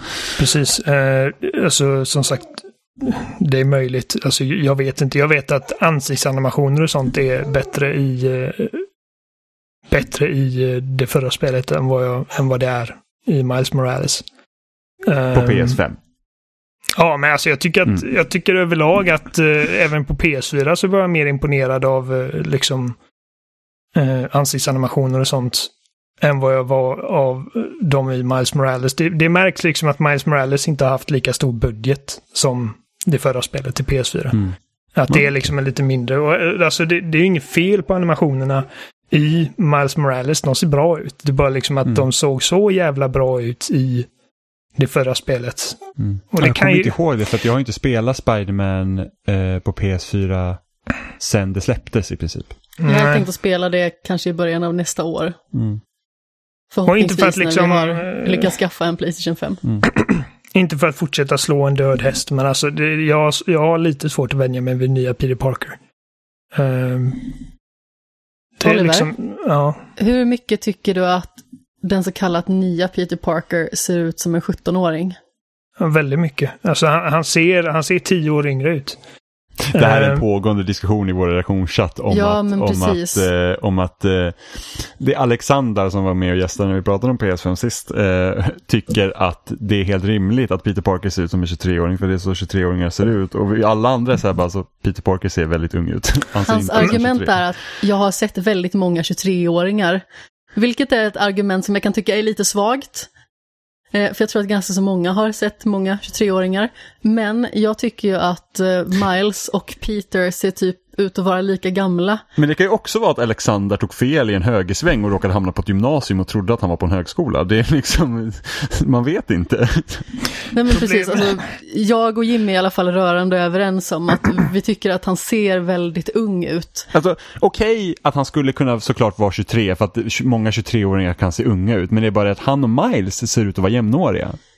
Ja, och det är det som blir så himla märkligt när han ska ha något form av mentorskap. Alltså jag har inget problem med själva utseendet i sig, utan det är själva funktionen och eh, känslan som det ska frambringa, liksom att han är den erfarne som ska ta hand om och lära upp Miles. Det är där det blir lite skevt för mig. Eh, men jag menar, alltså det är klart att alla kan se väldigt olika ut. Det är bara det att när det ska vara någonting som tydliggörs i populärkultur på det här viset så blir det skumt. Alltså jag menar när jag var 23 så var det en som frågade mig om jag var 31 liksom. Jag är helt övertygad om att vi inte hade haft den här diskussionen ifall detta var ansiktet han hade från första början. För att det, är Nej, alltså, absolut inte. det, det handlar ju... För att alltså jag tycker det att jag, när... Förra ansiktet, han såg definitivt inte ut att vara 23. Han såg ut att vara i 30-årsåldern. Och... Eh, Ja, det tyckte inte jag faktiskt. Alltså, kanske inte just eh, 23, men, eller 22 som han borde ha varit då. Men kanske Han alltså, hade- 25, alltså, 26. han hade ett mer moget, mer liksom typ... Vad ska man ska säga? Fårat ansikte. Ja, som att han har varit med om en del. Och det har Ja, han ju. för- Han har varit här- i åtta år. Men alltså, Hur, alltså, alltså det, det här det, det, det, är lite så här konstigt att vi liksom sitter och diskuterar någons ansikte här som egentligen inte spelar någon roll. Men, har man varit åtta år som Spiderman och har den stora liksom typ eh, ansvaret för att inte saker ska gå åt helvete, då tror jag också att man ska åldras ganska mycket. Bara på grund av det. men alltså att det inte spelar någon roll, det gör ju det. Alltså det... Men alltså, det blir konstigt att de har bytt. Det är det som är konstigt. Det, ja, men det är ju det som är grejen. Alltså, Det är det som känns märkligt. Hade han sett ut så här från första början då hade inte någon brytt sig. Då hade vi accepterat att han såg ut nästan som Tom Holland från början. Alltså, för jag accepterar ju hur han ser ut nu också. Jo, men alltså jag bara menar att det är ju inte det att vi sitter och klagar och ska skicka arga brev liksom med eh, nej, nej. bomber Alltså, eller avföring till Insomniac. Det bara, Utan det är bara det att det blir lustigt alltså, när jag, det ska vara åldersskillnad och de ser ut att typ kunna dela våningssäng på kollo. jag tror att jag har jag tror att spelat... jag måste... Alltså, säg du först Oliver. Jag tror att jag har spelat originalet i PS4 tre gånger om. Så att jag har spenderat mycket tid med den Peter Parker. Och jag Ja. blev förälskad i honom. Och jag tycker liksom att eh, när jag hör hans röst så, så är det det ansiktet jag förknippar till det. Och det kommer ta ett Mm. tag innan, liksom, innan min hjärna ställer om sig. Och eh, alltså, det är inget fel på nya ansiktet. Alltså han ser sympatisk ut, han ser ut som Peter Parker. Och jag tycker inte att han ser ut som Tom Holland. Jag tycker inte att han ser ut som eh, någon särskild. Han, han är väl mer åt det hållet i så fall. Liksom en yngre, lite mer korthårig. Eh, Ja, men Men- han har blivit lite Tom Hollandifierad i alla fall. Det är eh, lite annat utseende än eh, ja. det som vi liksom stiftade bekantskap med från början. Ja, jag vet inte. Alltså, jag tror att om, om- någonting så är det väl Miles som ser lite äldre ut än vad han ska vara egentligen. Eh, för att tycker hur, inte jag, Hur däremot. gammal ska han vara? Han ska väl vara 16, 16. 17. Kanske 17-18. Jag är lite osäker faktiskt om jag ska vara helt ärlig. Men Eh, jag tycker att han passar väldigt bra i den Mm. rollen. Där Alltså, han är. Så jag tror att jag måste spela om, alltså Spiderman eh, med det nya ansiktet innan då den uppföljaren kommer bara för att jag måste kunna liksom köpa att det är samma Peter Parker. För det, det känner Mm. inte jag med Miles Morales. Alltså, även om det liksom utspelar sig i samma universum och det är ju liksom typ som en uppföljare till förra Spiderman. Liksom att den kronologin är ju liksom att det här kommer efter. Men liksom, för mig när, liksom, när då den nya Peter Parker tränar med Miles så känner jag inte att det är samma. Jag känner ju att de inte hör ihop, det är det som är så konstigt. Så jag Nej. måste nog spela om när jag väl har en PS5 och att jag på något sätt kan liksom få tag i den remasterversion av Spider-Man är det att jag måste få spela som den Peter Parken så att jag liksom bara kan köpa att det är Och samma. det har ju ingenting att göra med det nya ansiktet att göra. Det har att Nej. göra med att de har ändrat har att ansiktet. Liksom att Ja, man, och att jag- man, får en egen referensram. Ja, att jag man, liksom har, inte... man har kopplat Pete. det ansiktet till den karaktären liksom eh, i huvudet. Och eh, det är svårt liksom att göra sig av med det. Men alltså, jag- tycker att det, det är lite paradoxalt hur det nya ansiktet kan, liksom det är, alltså det har mer detaljer liksom i ansiktet och det, liksom, det ser ut att det ser lite mer next gen ut. Men samtidigt så är han mindre expressiv. Eh, Mindre uttrycksfull. Och eh, Mm. alltså det var, det var någonting, de, de fick till ögonen så jävla bra på den förra. Man kunde nästan se hans själ i de ögonen. Mm. Och Han det, såg ju väldigt, väldigt sympatisk ja, ut. eh, Och inte bara liksom, han såg lite ut som en doofus ibland, vilket är lite, lite av hans charm. Alltså Peter Parkers charm tycker jag. Mm. Eh, men ja, alltså, jag tror att jag, jag kan leva med detta. Det är, liksom, det, det är ingen jättebig deal. Det är bara ett väldigt förbryllande val de har gjort. Liksom, att, Mm. eh, att- tänk om de hade liksom... Eh, jag vet inte, att eh, i nästa... I nästa, liksom, i Last of Us 2, att Ellie såg ut som en helt annan människa plötsligt. Liksom, det hade inte... Det hade inte funkat. Alltså det... Ja, nej, jag vet inte. Alltså, Eh, Jag tror att Alltså man kan ju se att Ellie, eller alltså de har ju åldrats så pass mycket så att de liksom, de, de ser ju ut, man Jo. ser ju vem det är men de ser ju ändå annorlunda ut. ja, men alltså, hon ser den här äldre ut, men, men det ser fortfarande ut som samma här- karaktär. Oh, så är det. Men den här Peten har inte, alltså det är inte bara som att han har åldrats, alltså det, är, det är så liten tid som har gått med de här två spelen. Ja. Så att, så att liksom att, och, och, och ansiktena är ju så radikalt annorlunda. Att liksom, Ja, alltså för oss blir det ju som att det har gått ett år och helt plötsligt ser han yngre ut. Det är lite som nu när vi kollar dem på Vänner och de hoppar mellan säsongerna och Chandler har liksom antingen lagt på sig 20 kilo eller tappat 20 kilo. Alltså det lättaste, lättaste jämförelsen är bara att du ser en film och i nästa film så är det en helt ny skådespelare. Som Eh, när de bytte vilket, ut... eh, sånt, sånt händer ju liksom. ja. Eh, och eh, i vissa fall så, så kan det liksom vara lite jarring, särskilt när man liksom typ som när man kollar Dark Knight-trilogin. eh, back to Ja, back. Maggie och, Gyllenhaal. Ja, och det är Ah. Katie Holmes och, och sen plötsligt är det Maggie Gyllenhaal. Ehm, det är just liksom att det är ett spel där man inte behöver oroa sig för sådana grejer. För att liksom, du behöver inte tänka på, okej, en ny skådis, vilket gör att vi har en helt ny snubbe här. Uh, ja. Men, men lite kort om uh, Miles Morales. Det var bra, men jag tyckte inte lika, om, lika mycket om det som, uh, som det förra spelet. För att uh, storyn grabbar mig aldrig på riktigt samma sätt. Skurken är eh, alltså The Tinkerer är inte tillräckligt intressant och eh, alltså den relationen som eh, Spiderman och Tinkerer har är inte alls lika intressant som Spiderman och eh, Dr. Octopus eller eller ens Mr. Negative. Eh, jag vet inte, det är alltså Ja, nej, nej, nej, nej. Jag tänker redan säga så här att den relationen är betydligt intressantare än den som är med Mr. Negativ. Som, alltså jag kan knappt ens komma ihåg Mr. Negativs roll i första Spiderman förutom att han var skurk. Jag kan liksom kommer inte ihåg, var, fanns det något, vad var det speciella bandet mellan Mr. Negativ och Peter Parker där?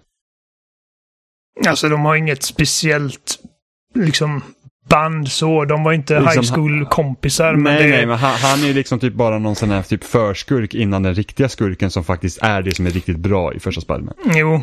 Ja, Okej, okej, ja, nej, okej. Ja. Eh, Okej, relation mellan uh, Spiderman och Tinker är, är den, den är mer fleshed out än vad, eh, relationen mellan Spiderman och Mr. Negative är. Men den är inte på samma Eh, nivå som Dr. nej. Octopus. För att, Nej. och det är liksom, alltså grejen... Man, de vill inte. att man... Nej, nej, jag ska inte spoila någonting. Men Nej, alltså, de, de, vill, de vill ju att man ska liksom på något sätt sympatisera med The Tinkerer för att det finns en backstory där. Och jag gör inte det för att liksom... eh, det är för nitiskt och liksom bara oh, fuck allting liksom bara för att jag har liksom eh, utstått en personlig förlust så nu ska alla dö och eh, bla bla bla. Medan Dr. Octopus i alla fall, han var ju typ, han har i alla fall ursäkten om att han blev liksom typ hjärntvättad och sitt jävla neurologiska chip eller vad fan det är. han. Ehm, så att... Men alltså, och det kan ju vara liksom en, en orsak till att spelet är lite kortare. Att den liksom, relationen som Peter har med antagonisten i, först, i, för, i första Spiderman är ju att det spelet är ju så pass mycket längre och man får gå Givetvis. igenom en, en mycket större eh, liksom ark där. Givetvis. Eh, ehm, Men men- jag tror att Alltså jag tror att både jag och Amanda tydde sig mycket mer till storyn i Miles Morales än vad du har gjort. Men jag tror också det var en del, i alla fall i min kritik, var det att spelet är lite kortare, därav blir det inte lika eh, träffande kanske. alltså, men- jag, Jag har känner inga att, problem med att det är kortare. Nej, alltså jag tycker inte heller att, att, att, liksom att sp- spelets längd skulle inte behöva några problem. Jag hade gärna sett att det hade gått lite djupare. Så att man hade fått vara med mer. Alltså, Spelets längd är inget problem. Det är bara liksom att eh, storyn kanske hade mått bra av att få lite mer tid. Ehm, Mm. Jag vet inte. Alltså, Alltså, jag tycker fortfarande inte att det hade behövt vara lika långt som det första Nej, nej, nej. Spindelmannen. Nej, nej, nej, absolut inte. Men jag tror att bara, bara, liksom, alltså det är bara lättaste sättet att bara summera det för mig är att eh, det första spelet berörde mig vid flertalet Mm. eh, punkter och detta gjorde aldrig det. Eh, Mm. Alltså Det var jag har liksom- ju sagt det förr, men eh, jag har ju sett slutet fyra gånger i och med att jag har sett det två gånger för mig och eh, två gånger för Jimmy. Mm. Och eh, jag grät typ alla fyra gånger. Eller blev gud. liksom eh, Alltså, jag-. Jag har ju hört det, alltså jag vet att du, du har ju sagt att det, liksom, att det, det fick dig liksom rent känslomässigt förut. Så jag var ju beredd på liksom någon stor... Jag vet inte. Och, eh, och sen tycker jag inte de här underground är roliga att slåss mot heller. De, är, de med sina jävla typ... eh, Vad, är det, vad, vad kallas de? Um, deras typ superkraft med eh, typ föremål som kan formas hur de vill. Är Eh, du rätt du letar efter ordet? Jag bara, de lila vapnen.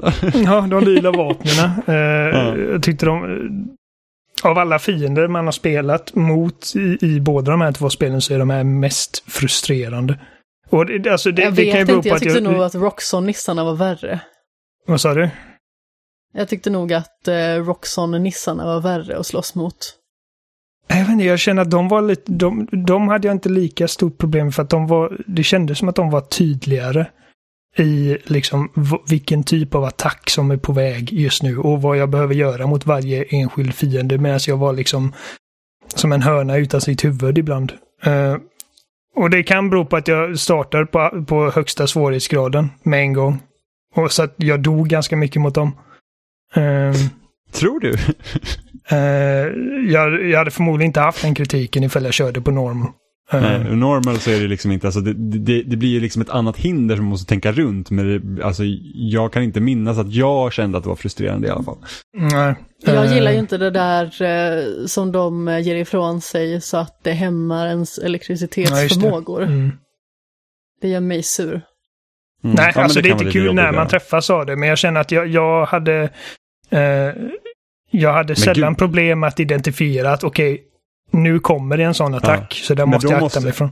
Då måste jag ändå tänka att alltså, det finns ju en bossstrid mot slu- närmare slutet av spelet som jag kände var frustrerande på normal just på grund av att ens egna krafter blir hämmade. Var det jobbigt för dig? Jag kommer inte ihåg vilken strid. Var det... Eh, I Det var inte, inte Tin- Tinkerer, va? Nej, inte Tinkerer. För det, det, det var en ganska cool. Det, den, den striden tyckte jag om. För att den, den var mer cinematisk. Men utan det, det är liksom typ... Det är typ striden innan det. Fast ändå inte. Men den stora, stora jäveln.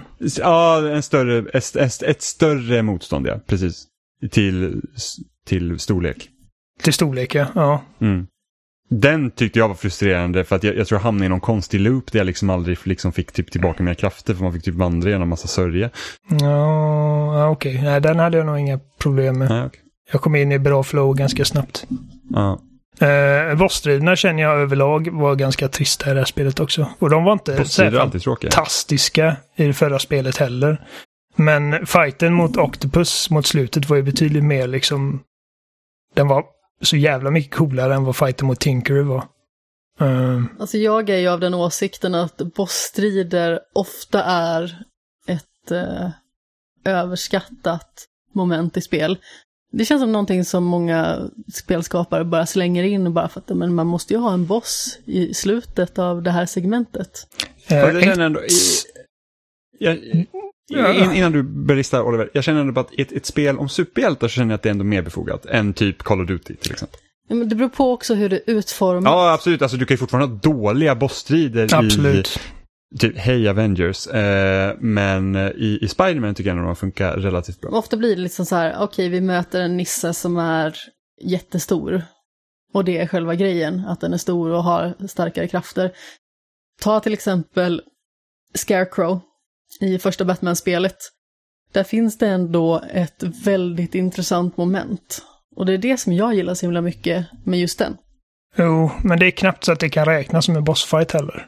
För att du slåss inte mot Scarecrow. Det är, det är mer en, ska man säga, en hinderbana. Alltså det är en hinderbana, men jag ser det i allra högsta grad som en bossstrid. Just för att eh, den är liksom så signifikant och eh, man stöter på honom i det läget några gånger.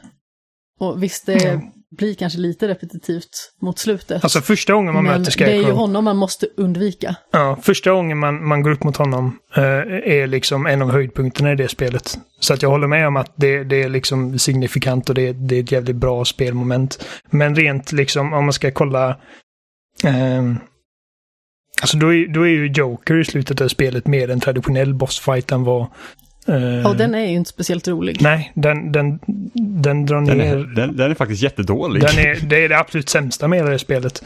Eh, och, men alltså jag håller med dig om att många gånger så slänger, slänger man in bossfighter bara för att det är tv-spel. Och det är liksom eh, typ som Halo. Alltså när man möter profeten eller fan heter han, den stora bruten i slutet. Det är liksom sådana eh, Alltså just gameplay-loopen i Halo gör sig inte jättebra för den typen av bossstrider där man bara skjuter någon snubbe hundra gånger i huvudet. Um, men mm, precis som Jimmy säger så känner jag liksom att det, eh, bossfighter har mer liksom merit i ett Spiderman-spel. Och alltså för mig handlar det inte så mycket om, alltså jag älskar bossar. Uh, men jag, men jag, alltså jag är väl medveten om att det finns en jävla massa tråkiga, dåliga bossar i tv-spel. Uh, och uh, men då kommer jag också från den bakgrunden, typ som alltså, Devil May Cry, alltså bossarna är typ några av höjdpunkterna. Uh, Soul-spelen, Bloodborne. Um, det, för mig handlar det mest om att liksom en bra bossfight kan alltså väger upp mer än vad en dålig bossfight gör. Och jag vet inte, alltså just med Tinkerer så känns det som att du har den bara kändes som så många andra bossfighter medan Octopus i slutet och i förra bara hade mycket mer liksom, det kändes som att stakesen var högre. Även om det nöd, alltså stakesen var ju höga liksom rent storymässigt i uh, Spiderman också. Men jag, men jag kände liksom inte den typ riktigt urgencyn i situationen. Uh, och uh, Octopus är bara också en så jävla bra skurk att göra en fin av. För han har stora jävla armar som man kan göra mycket med och det är liksom spektakel medan Tink Tinker liksom springer runt och typ lägger turrets och ja, jag vet inte. Men jag gillar det spelet alltså överlag. Det är bara att jag, jag gillar det förra spelet ännu mer. Så Mm. att, eh, ja. Men, men du har ju spelat ett annat spel som vi knappt har diskuterat. Vi rörde vid det lite eh, när Alexander och Alexander var med. Mm. Alltså, Alexander och Helen. just det, Alexander och Helen var med. Eh, vi, eh, men Demon Souls. Mm.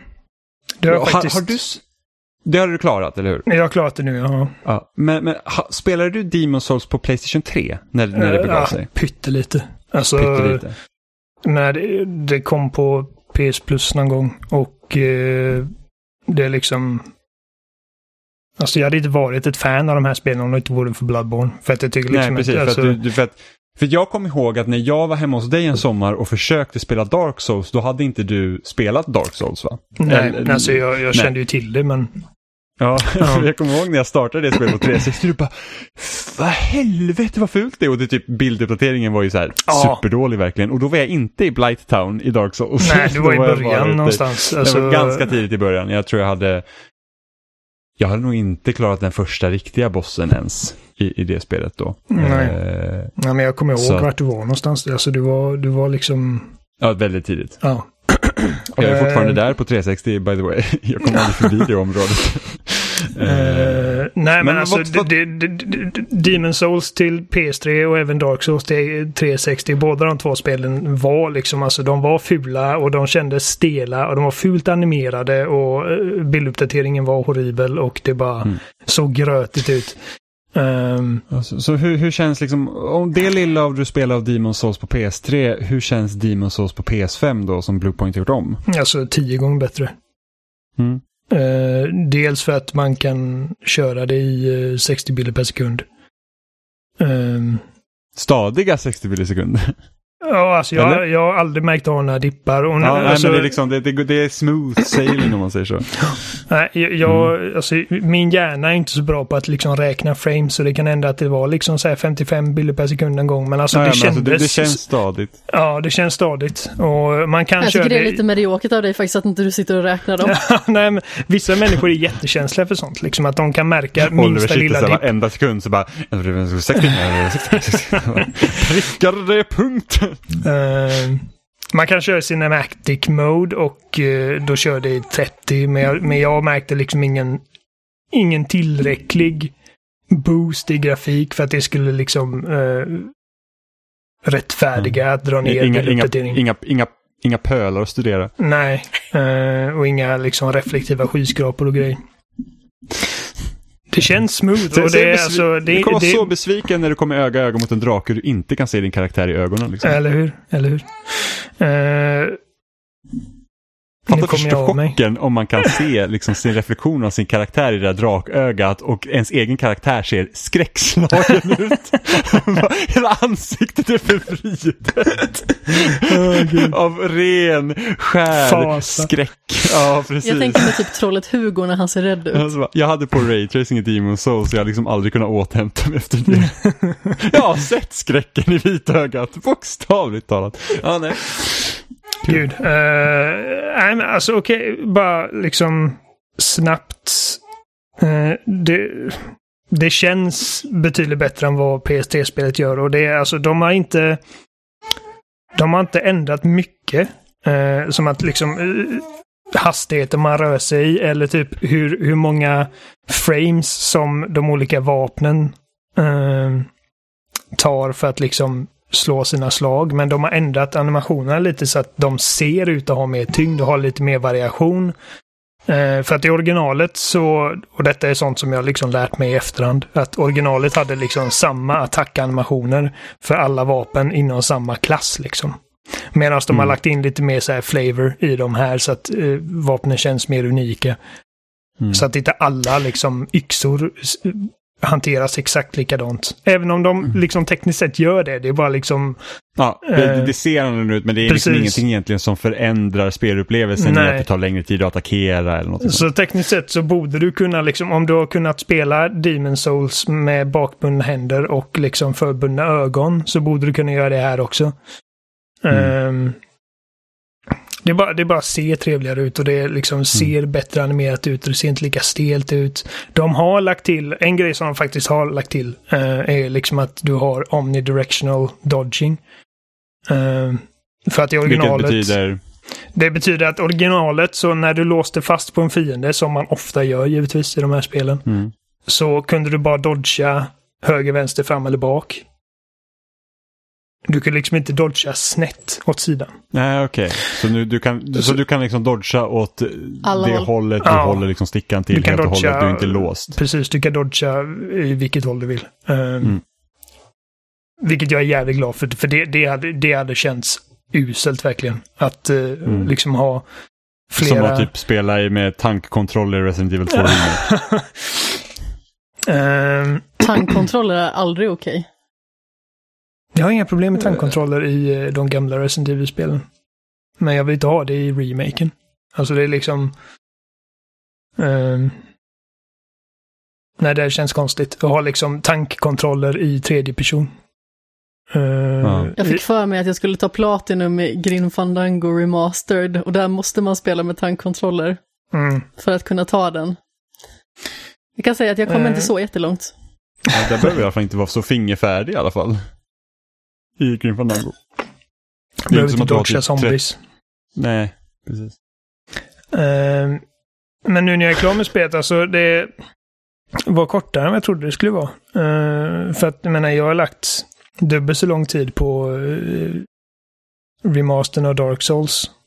Och inte ens kommit nära slutet än. Ehm, så att det, det är lite mer liksom, och, och nu ska jag säga typ 50 timmar jag har spelat. 40-50 timmar jag spelat Demon Souls. Så det är ju liksom, det är ju inte ingenting. Alltså det tog ju sin tid. Så det är ju liksom en... eh, Du får, du får leta upp den där menyn i PS5 och så du kan se faktiskt hur länge du har spelat Demon's Souls. Um, men det ser man även, liksom, även bara när man okej, ska okej. ladda spelet. Liksom. Ah, okej, Eh, spartiden. ja.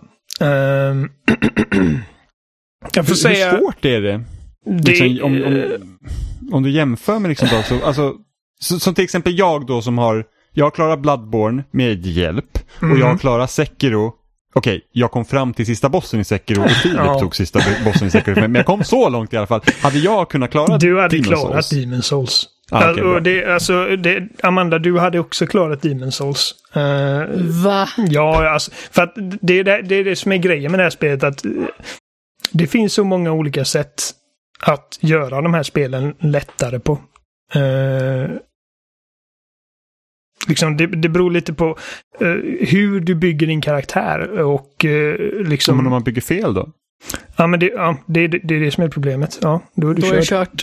Då är du körd. Ja. För att jag, jag, jag hörde i någon annan podcast som pratade om så här, så bara att ah, men jag gjorde en så här svärdsbaserad gubbe och varje guide jag tittar på så bara, ah, men du har ju din magikaraktär så det är lugnt. Mm, precis. Bara, Nej, Och det är jag det, som är, inte det. det är det som är grejen, liksom att en del av svårighetsgraden kommer in paradoxalt. Att liksom spelet, spelet gör det inte tydligt för dig hur du ska göra det lättare för dig. liksom. Så att jag fick liksom, eh, jag, jag, jag sprang in i liksom en, en bara vägg eh, efter första världen. För att jag spelade Ja. första världen. Och det är liksom, okej, ja, men det, det är utmanande. Det är liksom, eller snarare of, oförlåtande liksom. Eh, liksom varje enskild fiende utgör, liksom, utgör inte ett jättestort hot. Men ifall du går in i ett rum oförsiktig så kan du lätt liksom bli överrumplad av en fiende du inte såg och så är det kört och så förlorar du alla dina souls och så måste du börja från början. Ehm, så att oförlåtande är liksom det bästa sättet att beskriva de här spelen på. Ehm, Ja. och, eh, men jag hade inga större problem under den första världen. Jag kom liksom till den första liksom... Eller ja, andra bossen blir det. Första bossen är ett skämt, hur lätt som helst. Och då räknar jag inte med den absolut, den absolut första bossen. Är Den första med- bossen, som egentligen är den tionde i ordningen. Nej, den absolut första bossen du möter är meningen att du ska dö på. ah, okej, Eh, okej. liksom, den är designad för att du ska dö på den. Och det gjorde jag. Kan man klara Man det? kan klara den. Ah, okej. Precis som i Dark Souls, liksom att du kan klara den första bossen med den trasiga daggern du har liksom. Ja. Det är bara att det tar tid och du måste vara jävligt noga med att aldrig bli träffad liksom. Mm. Eh, så det går, men det gjorde inte jag. Eh, jag dog. Så att eh, den, den första bossen som du måste klara, hur lätt som helst. Eh, andra bossen du måste klara, Tower Knight. Eh, som är en mycket roligare boss, men den är också svårare. Eh, den, liksom, typ tre, fyra försök, sen klarar jag den. Och då, för att komma vidare till nästa del av den världen, så måste du, så kommer det upp en stor text på skärmen, så liksom att du måste döda en Archdemon för att komma vidare här. Och jag bara, jag har ingen aning om vad en Archdemon är. Men jag antar att, okej, nu har jag kommit så långt jag kan i den här världen. Då spånar jag tillbaka, eller jag teleporterar mig tillbaka till Nexus som är den här hubbvärlden de har. Ja och gå till nästa sån här liksom sten. Archstone. Ja, så, det, så, det, så det är liksom inte, alltså världen i Demon Souls är liksom inte som kopplad Nej. som den är i till exempel Dark, Dark Souls, Souls, 1 nej. eller, Dim, eller Bloodborne. Utan du, Precis. du liksom, ja okej. Alltså, och det- Bloodborne är ju inte heller kopplat på samma sätt som Dark Souls är. För Bloodborne så har du också de här stenarna som du teleporterar dig till. Eh, Ja precis men, men, Eh, Men många gånger så eh, kan Så du kan röra dig. Mm. liksom eh, från en del av världen till en annan utan att teleportera dig liksom. ja. Medan Men andra jag måste tänker- du teleportera till. Men, men är världarna då i Demon Souls, är de så uh, vilt skilda från varandra så att liksom, Ja. du inte kan relatera? Ja, du kan inte relatera. För att i Bloodborne är det så, även om du är på ett annat ställe så kan du ändå se liksom typ klocktornet och sånt i bakgrunden så att du vet ungefär vart du befinner dig liksom, Det är möjligt att man faktiskt kan, om man typ ställer sig på en hög plats någonstans i en värld, att man kan se. Det, det är ingenting jag re- Nej, reflekterat men, det, över. men det, är inte, det är inte uppenbart då. Liksom, att, Nej, att, den första är typ världen som- är liksom som ett stort, liksom, om du tänker liksom medeltida, liksom en stor medeltida borg i princip. Ja, Som du rör dig ja emot. typ den, den man har sett i, i sådana här screenshots som har Ja, sett. andra världen är typ, tänk liksom en, eh, en eh, helvetisk version av Death Mountain från Zelda. Liksom. Det är typ så här miners och det är typ grottor och det är lava och skit. Eh, tredje världen är ett stort fängelse. Fan vad jag Ja. hatar den banan. Det är liksom bara typ korridorer med, med liksom celler och typ hur många olika våningar som helst som alla ser likadana ut. Alltså jag, jag sprang runt i den hela världen och fienderna är fruktansvärda för att de liksom stunnar dig och grabbar tag i dig och instakillar dig och det var bara fy fan för detta. Eh, tills man liksom då, ja, till slut så lär man sig liksom hur man ska hantera fienderna och det, det är det som är grejen med de här spelen att allting är hanterbart bara du ger dig fan på att aldrig ge upp och liksom studerar liksom attackmönster. Eh. Lär dig liksom vad du ska göra för att liksom få ett övertag på varje specifik fiende och så bla bla. Ehm, så, så att vä- världarna skiljer sig väldigt mycket. Och eh, det är inte som i... Eh, tänk typ Sekiro eller Bloodborne eller Dark Souls, liksom att du typ hittar bonfires som är som checkpoints. Mm. Utan banorna är liksom... Alltså måste du köra banan i ett stöp. Ja, du får bara... Du får bara bonfires när du har dödat en boss. Så att det är liksom mellan starten av banan och bossen Till finns det ingenting. måste du, så du måste liksom köra den i ett Ja. kör då? Och det finns, då finns det ju grejer liksom att du kan låsa upp genvägar och grejer så att du kan kringgå. Ja, Stora delar du av kommer, banan. Du, så du kommer liksom, kan snabbare komma till bossen? Ja, och du kan lära dig också liksom att bara springa förbi alla fiender liksom direkt på bossen. Men ibland, vissa gånger så är det liksom en, ganska, en bra bit du måste springa och det blir tradigt i längden. Ehm, men alltså, så att vä- världarna är mycket mer strukturerade i Demon's Souls än vad de är i, i liksom kommande spel. Eh, du har liksom varje Archstone är en värld och sen har du liksom typ segment på de här banorna som, som, som stjälps av av bossar. Då.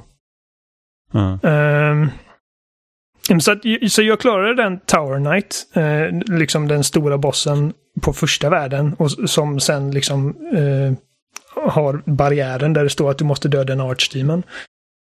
Så jag hoppar till nästa värld, värld 2, och där får jag stryk. Alltså verkligen, alltså alla fiender tar typ 100 hits och döda. Och Mm. eh, alltså, de är inte ens svåra fiender, de är långsamma, sega, liksom knappt medvetna om att du är där och slår på dem. Men ett Mm. slag och du liksom bara, gud, halva livet fast- är borta. Fa- Fast to be fair, om du är så pass klen att du har typ 100 träffar för att döda någon sån, det är ungefär som en myra hade klättrat på dig. Liksom. Det är inte som att du bryr dig om den. Precis. Eh, och jag bara, vad fan är det jag missat liksom? Och, och, och det är då jag skrev på Twitter typ att vad fan är det som händer? Och, och Martin skrev i chatten liksom att ja men gå till en annan värld bara. Så jag bara okej. Jag hoppade till värld 4 och hade mycket lättare plötsligt. Jaha. Så att det är liksom inte så att den lättaste vägen är 1, 2, 3, 4, 5 utan jag gick från 1 till 4. Och Men någons... alltså, varför är det så? Det är liksom, du kan ta det här spelet i princip i vilken ordning du vill. Eh, Jo, jo, men liksom Men- varför då döpa en så mycket svårare värld till värld 2? Alltså det, det är liksom ingen Alltså, logik. den är inte döpt till värld 2, det är bara att den världen är den som är bredvid den första liksom. Aha, Eh. finns det någonstans, alltså kan du få information om världarna någonstans då så du vet? Nej, inte annat än lore. Liksom att när du, Ja, du går fram eller, till en sån eller, här... att du hopp, eller att du hoppar in och testar och känner så här att Ja. här var det alldeles för starkt, så hoppa in någon annanstans. Ja, så Okej. det var ju det jag fick göra. Liksom att okej, eh, okej, värld 2, det här kanske är liksom, det här, det här funkar inte för mig. Liksom. Mm. så- det är lite Megaman-grejen då med andra Ja, ord. så jag hoppade in i fyran och plötsligt så liksom, alltså det var svårt men, men jag kunde i alla fall döda fienderna.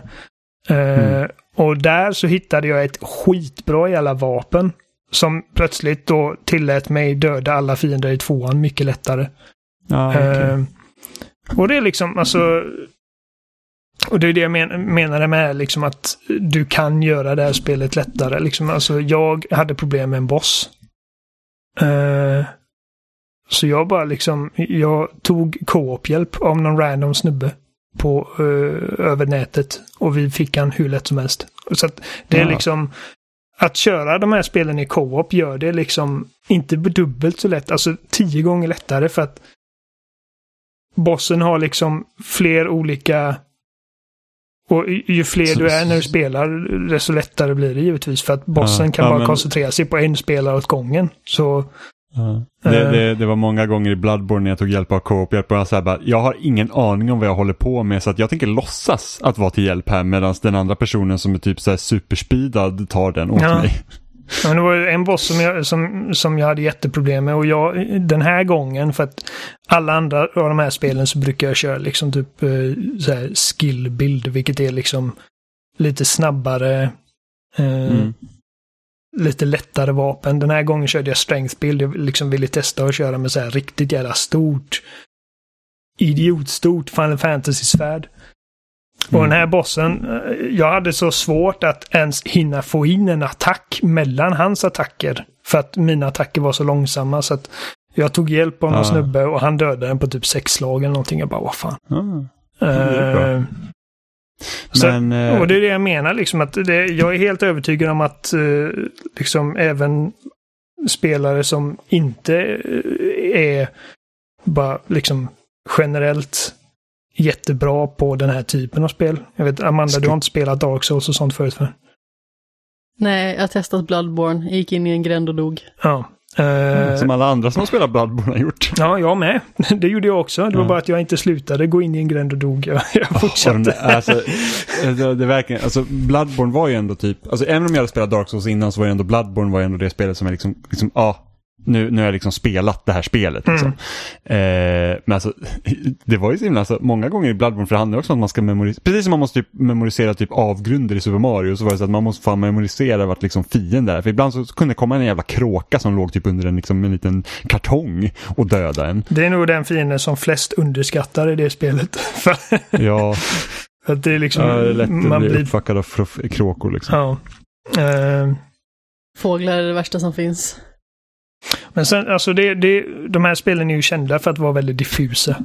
Och eh, det är liksom, när du ska börja levla upp så har du typ en, liksom ifall du kan typ levla upp intelligens och faith, liksom. Och ifall man inte vet exakt vad det innebär så, så är det ju svårt att göra ett informerat val. Um, och eh, det här spelet, till skillnad från typ Dark Souls, så har de en begränsning på hur mycket grejer du kan ha i ditt inventory. Ehm, Jaha. för men alltså, det, jag, tror att, jag tror att det var det, det som gjorde att Bloodborne klaffade så jävla mycket för mig. Bortsett då bara för, från att det är liksom mycket coolare design och liksom, ja. Ehm, det var liksom att du kan ha vilket vapen som helst. Du kan ha världens liksom bredaste jävla bredsvärd. Eller en liten käpp och du är fortfarande lika mobil. Liksom du börjar inte rulla långsamt och grejer. Eh, Mm. Baserat på din gear. Eh, du har liksom inga begränsningar i liksom hur mycket du kan ha på dig och sådana grejer. Medan i Dark Souls är ifall du har för tung, för tung gear på dig så bör du rulla som, som ett kylskåp. Eh, Mm. det har du inte även, nej, det har du även i Demon Souls. Så att ifall du har för tunga grejer på dig så blir du mycket långsammare. Och Ja. Utöver det så har du också liksom att eh, du kan inte ha på dig mycket grejer som helst. Så man måste ständigt ha koll på ditt inventory. Och som tur var så kan du lätt, och jag tror att det här är nytt för remaken, att du lätt liksom kan skicka grejer till ditt storage liksom i hubbvärlden. Mm. Uh, ja, men det är alltså... Jag tror att jag tänkte nog på detta förut, liksom att jag, jag tror att det enda i From Softwares liksom, uh, ska man säga, spelografi sen Demon Souls som jag tycker är sämre än detta, det är Dark Souls 2. Okay. Uh, så Dark Souls 1, Dark Souls 3, Bloodborne och Sekiro tycker alla är bättre spel än Demon Souls. Uh, mm. Men det är fortfarande ett bra spel. Uh, och uh, jag tycker att Bluepoint har gjort ett skitbra jobb med att liksom få den här gamla uh, liksom bara oslipade diamanten att kännas lite mer slipad. eller betydligt mer mm. slipad ska jag säga. Det är, liksom, det är väldigt snyggt och det, det känns mer följsamt, det känns mer modernt bara liksom för att animationer och sånt är uppgraderade och det är liksom mm. högre bilduppdatering. Men jag, mm. jag, tror att jag gillade världen betydligt mer i första Dark Souls. Jag gillade världen mer, definitivt mer i Bloodborne. Det är, det är fortfarande mitt favorit. Eh, mm. From Software-spel. Eh, och eh, jag tycker bossarna var roligare i, eh, i de andra spelen också. Så att, ehm, bra men, men inte... Ja. Är inte liksom bästa. Inte deras liksom bästa verk. Det känns som att alltså, de, de blir bättre på vad de gjorde med tiden. Liksom. Mm. Ponera nu att Bluepoints nästa spel är Metal Gear Solid mm. eh, som remake då. Det, det, det ryktas som att det är det eller typ Castlevania Symphony of the Night. Eh, det, det enda jag tänkte på liksom då man gör Metal Gear Solid liksom då i en ny, liksom, säg att det då liksom ser ut mer som typ Metal Gear Solid 5 liksom i, mm. liksom, utseende då. Kommer de Kommer de spela in nya röstskådespelare och kommer de hålla ja. manuset exakt som det var? De kommer definitivt spela in nytt i så fall. Sen ifall manuset är exakt samma, det, alltså, när de gjorde. Twin Snakes så... Ja, men det var ju Silicon Knights. Ja, jo, men ja, ja. Jag vet, men alltså mm. när det gjordes så de spelade in dialogen på nytt. Men det var samma mm. skådespelare och allting. Och det var samma mm. manus. Med väldigt så, få skillnader. Så är David Hater Snake i en Metal Gear Solid Remake? Ja, det tror jag. Och det kommer förmodligen vara samma manus. det kommer, alltså jag kan tänka mig om de får bättre skådisar. Alltså jag kan tänka mig att inte alla röstskådespelare kommer vara samma. Men det kommer ju låta... Det kommer, det kommer ju låta så dumt många grejer. Ja, alltså ja. för mig... Eh, tror jag att min, min drömremaster av Bluepoint är fortfarande första God of War. Uh, Jaha.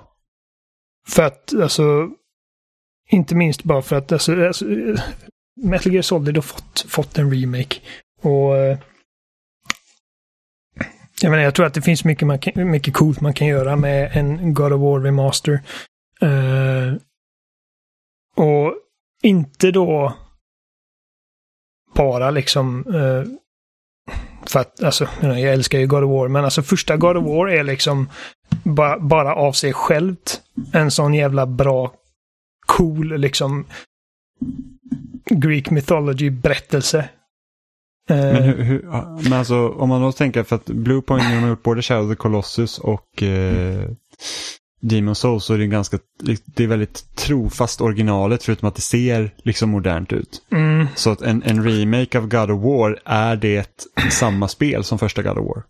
Eller vill, skulle du vilja att de skulle typ så här att ja, men vi tittar på God of War från 2018 och så gör vi om första spelet i den skruden? Jag hade inte velat ha det eh, som 2018-spelet. Nej, du, du vill ha det som det såg ut 2005? Ja, alltså, det, det behöver inte vara exakt, men alltså Nej, det ska ändå liksom, vara liksom det, det ska den vara liksom typen. Det, det, ska vara det spelet. Ja, för att det, det, mm. det blir ju en helt annan liksom, eh, ska man säga, när man har liksom mer av ett fågelperspektiv över grejer. Mm. Och liksom Blades of Chaos gör sig mycket bättre i den i den skruden än vad de gör sig mm. liksom i tredje person.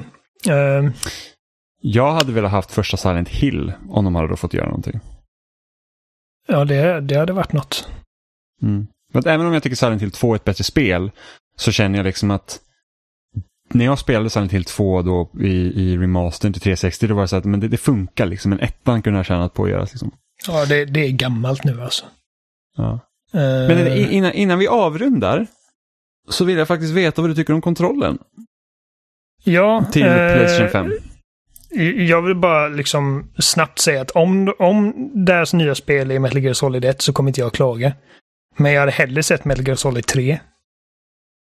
Uh, bara bara helt, helt enkelt för att dels är det liksom den första krono, kronologiska liksom delen i den berättelsen. Den står liksom på sina egna ben perfekt. Eh, och jag tror att det finns mycket mer man kan göra med ett spel som är satt i en djungel med liksom modern, eh, med modern teknik än vad du kan göra med Shadow Moses som egentligen, alltså en hangar är alltid en, hang en hangar, förstår jag menar? Mm. Uh, jag tror att liksom en typ bossfighten med The End liksom eh, hade kunnat bli jävligt cool med typ Fox Engine. Nu är, det, nu är det ju inte Fox Engine de hade använt förmodligen för att det är liksom, det är Konamis egna. Men ja. Mm. Eh, men vad jag tycker om kontrollen, alltså den får alla andra kontroller att kännas som billiga plastbitar. Det är så pass? Eh, ja, eh, jag har svårt... Även elitkontrollen? Ja, jag har svårt att spela med... Jag menar, elit, elitkontrollen kommer givetvis med sina egna perks. Alltså den har ju liksom... Den har ju sina Paddlar. paddlar och, och allt det där. Så att alltså... I slutändan så kör jag hellre Halo med en elitkontroll än vad jag gör med en DualSense. För att eh, Mm. nu, nu är liksom... Jag, jag, jag kan knappt spela Halo utan paddlar nu. Ehm, men bara liksom sett till vibrationen. eh, och eh, vad de, vilka coola grejer de kan göra med triggers. Mm, Och, och det, här, det här ska sägas också att alltså, jag tror att om det inte vore för Astros Playroom så hade jag inte känt så lika starkt för kontrollen för att eh, Mm. Demon's Souls och Spiderman gör inte alls lika mycket coola grejer med den kontrollen för att det liksom Astros Playroom Nej. är byggd kring den.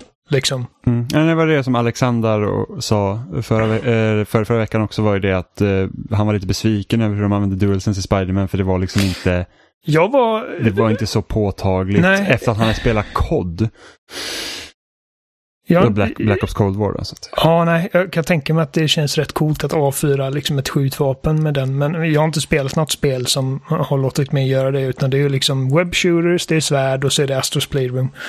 Ehm, nu finns det i och för sig en liten så här typ minigun som skjuter små typ bollar i Astros Playroom. Så att den har jag ju känt och det liksom hoppar i triggern och det är ganska coolt.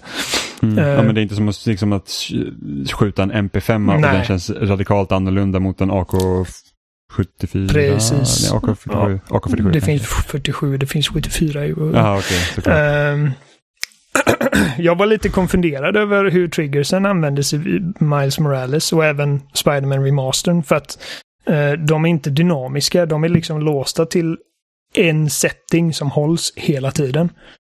Mm. Eh, och det är liksom att när man kommer typ 75% av vägen ner med triggern så blir det lite trögare. Ja. Och jag har funderat alltså, jättelänge på detta. Liksom, vad är, vilken känsla är det de försöker emulera? För att när man spelar Astros Playroom så förstår man exakt vad varenda liten, lit, liten vibration i kontrollen försöker Mm. eh, liksom framföra. Eh, om det är liksom fotsteg. Eh, om, eller typ hur det känns liksom att dra åt en, en liten eh, fjäder. Eller vad det nu kan vara. I Spiderman så vet jag inte och jag tror att Stefan, vi satt i party och spelade och han sa att det kanske är för att det ska kännas som att du trycker på din liksom alltså knappen som skjuter ut nätet på handleden liksom. Mm. Men jag vet inte, alltså liksom nätet kommer ut långt innan du kommer till den delen där det börjar bli trögt. Mm. Eh, och det jag märkte, liksom jag, jag, för att efter att ha spelat ett par timmar och det blir liksom som ett litet trögt stopp i slutet av varje tryck. Mm. Jag känner liksom att det här är inte bekvämt. Så att jag, jag, jag började köra så, att jag, jag slutar trycka när jag kommer till den delen som är trög. Och det är där som man känner typ att när nätet kommer ut så hoppar Mm. den till lite. Eh, ungefär som att man ska känna nätet komma ut ur handleden. Jag vet inte, alltså det, jag, jag är jätteförvirrad över liksom vad de, vad de försökte förmedla.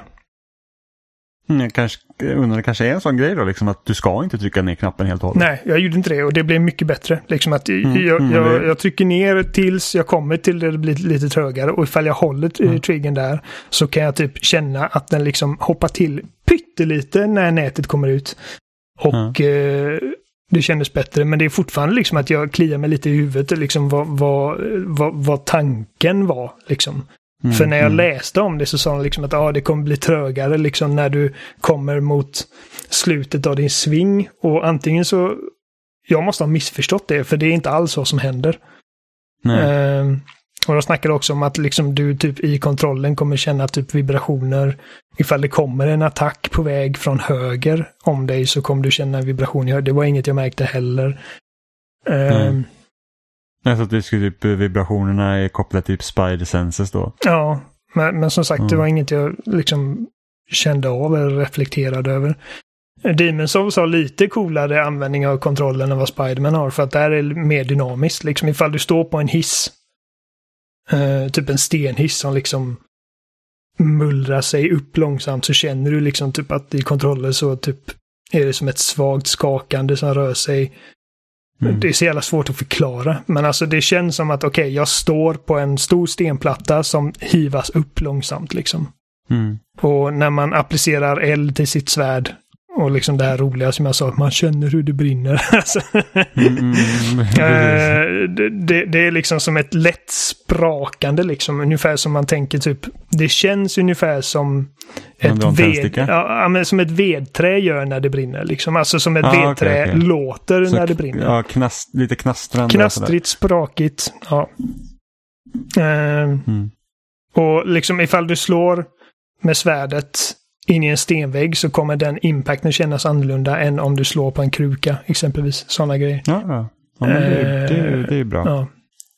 Det är förresten, det, det är förmodligen den absolut största bara liksom idiotgrejen med Demon Souls som gör att det spelet är frus mer frustrerande än vad typ Bloodborne och de här grejerna är att ifall du ens står nära en vägg när du slår med ditt svärd så kommer du studsa av och inte träffa någonting medan fienderna kan slå dig genom väggar och jag har blivit at- attackerad av fiender som är en våning under och slå genom golvet så att de inte är restrikterade av samma regelverk som jag är vilket gör det skitfrustrerande. Ja, det är fan det är Eh, fusk. ja, och jag vet liksom det, det var samma sak med Dark Souls. Eh, att det blir ofta liksom att man typ slår, liksom råkar slå i väggen. Jag förstår att okej, det är realistiskt om jag försöker svinga liksom ett bautasvärd i en liten korridor. Att det blir, det finns inte utrymme att göra den svingen. Men den realismen skiter ju ner sig ifall fienderna inte liksom följs och samma. Ja, precis. Eh, och jag tror att det blir ännu värre i Demon's Souls för att det är så ofta man är i tajta korridorer i det spelet. Eh, mycket oftare än vad man är i Demon's, eh, Dark Souls. Men ja, skitsamma. Uh, så det är ju liksom i Astros Playroom som, som den riktiga potentialen med, med kontrollen förmedlas. Och alltså det är så tydligt att det här spelet existerar för att visa vad kontrollen kan göra. Eh, Mm. det är liksom, jag tror att ifall de hade valt att göra en, en simpel, som Microsoft gjort, liksom att vi uppdaterar våran DualShock 4 pyttelite, men har det liksom inga andra innovationer. Mm. Jag tror inte det här spelet hade existerat då, för att de hade inte känt liksom att de hade behövt packa in någonting i konsolen som visar vad kontroller gör. Eh, Ja, nej, förmodligen inte. Det var ju det de också gjorde med Astrobot Rescue Mission var ju det liksom att de verkligen visade hur man eh, ens egen liksom, existens i ett VR, eh, i en, VR-miljö liksom kan göra med... med ja, eh, att det liksom inte för att bara är även- ett kar- spelarkaraktären utan att det är Nej, du precis. också. Ja, så att även, även om eh, det spelet är liksom ett plattformsspel så är det ju ofta du själv, du, alltså du måste ju ändå spela till relation till dig själv Ja. och hur du rör dig liksom genom världen. Så det är ganska häftigt. Eh, Men så två, två tummar upp för kontrollen i alla fall. Ja, verkligen. Verkligen. Det är liksom så till den vida grad att jag liksom funderar på liksom, alltså, ska jag verkligen köra allt på Xbox? Mm. Bara för att den är kraftfullare. Eller Uh, ja, fast hittills, hittills har det ju varit så att uh, även tredjepartsspelen körs bättre på PS5. Ja, alltså nu har ju Valhalla uppdaterats. Uh, ja, men det är fortfarande stabilare på PS5. och, och, och, det spekuleras om då att Microsoft inte fick ut sin, sina bättre dev-kits tillräckligt tidigt. Mm. Men ändå. Så det, det kan ju också liksom... bero på att eftersom att Microsoft så är liksom att det, det spelet som vi kör på Alltså det spelet Valhalla som du och jag kör, även om du kör det på en mm. Xbox One X och jag kör på en Series X så är det fortfarande samma spel. Mm. Medan eh, spelet till PS5 är PS5-spelet. Jag vet inte om det gör, okay. liksom, eh, gör saker och ting mer komplicerat för dem att... Jag vet inte för att det, det kan ju vara så, även om du kör Series X då kan det fortfarande vara så att det där är Series X-spelet. Bara det att du behöver liksom inte tänka vilken version du köper Ja, det är möjligt. Jag vet inte exakt hur det fungerar liksom under huven, men ja, jag vet inte. Mm. men sen, ja, som sagt, alltså, jag tänker liksom...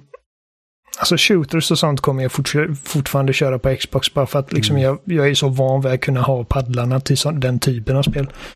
Uh, ja. Det, det enda jag känner liksom att Microsoft vinner där över Sony det är att de, alltså enkelheten i att switcha mellan maskinerna är ju, är ju betydligt bättre.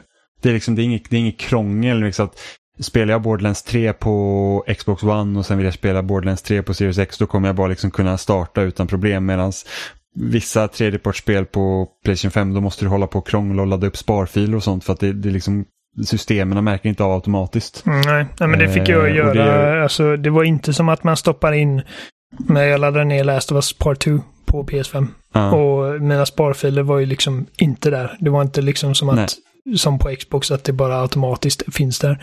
Utan jag var Nej. tvungen att manuellt gå in.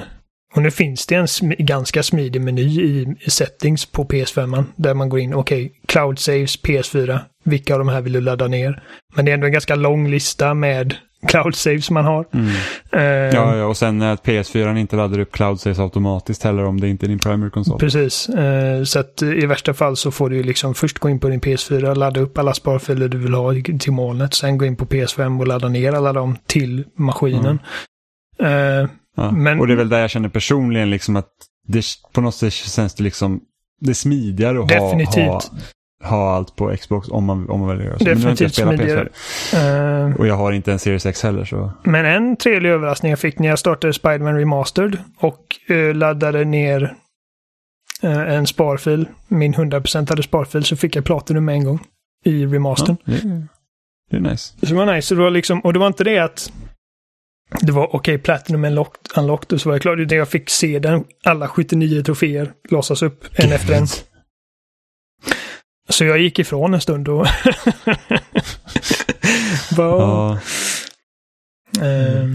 Men eh, jag tror att det hade allt eh, för idag. Nu har vi ändå suttit och pratat i nästan två timmar. Ja.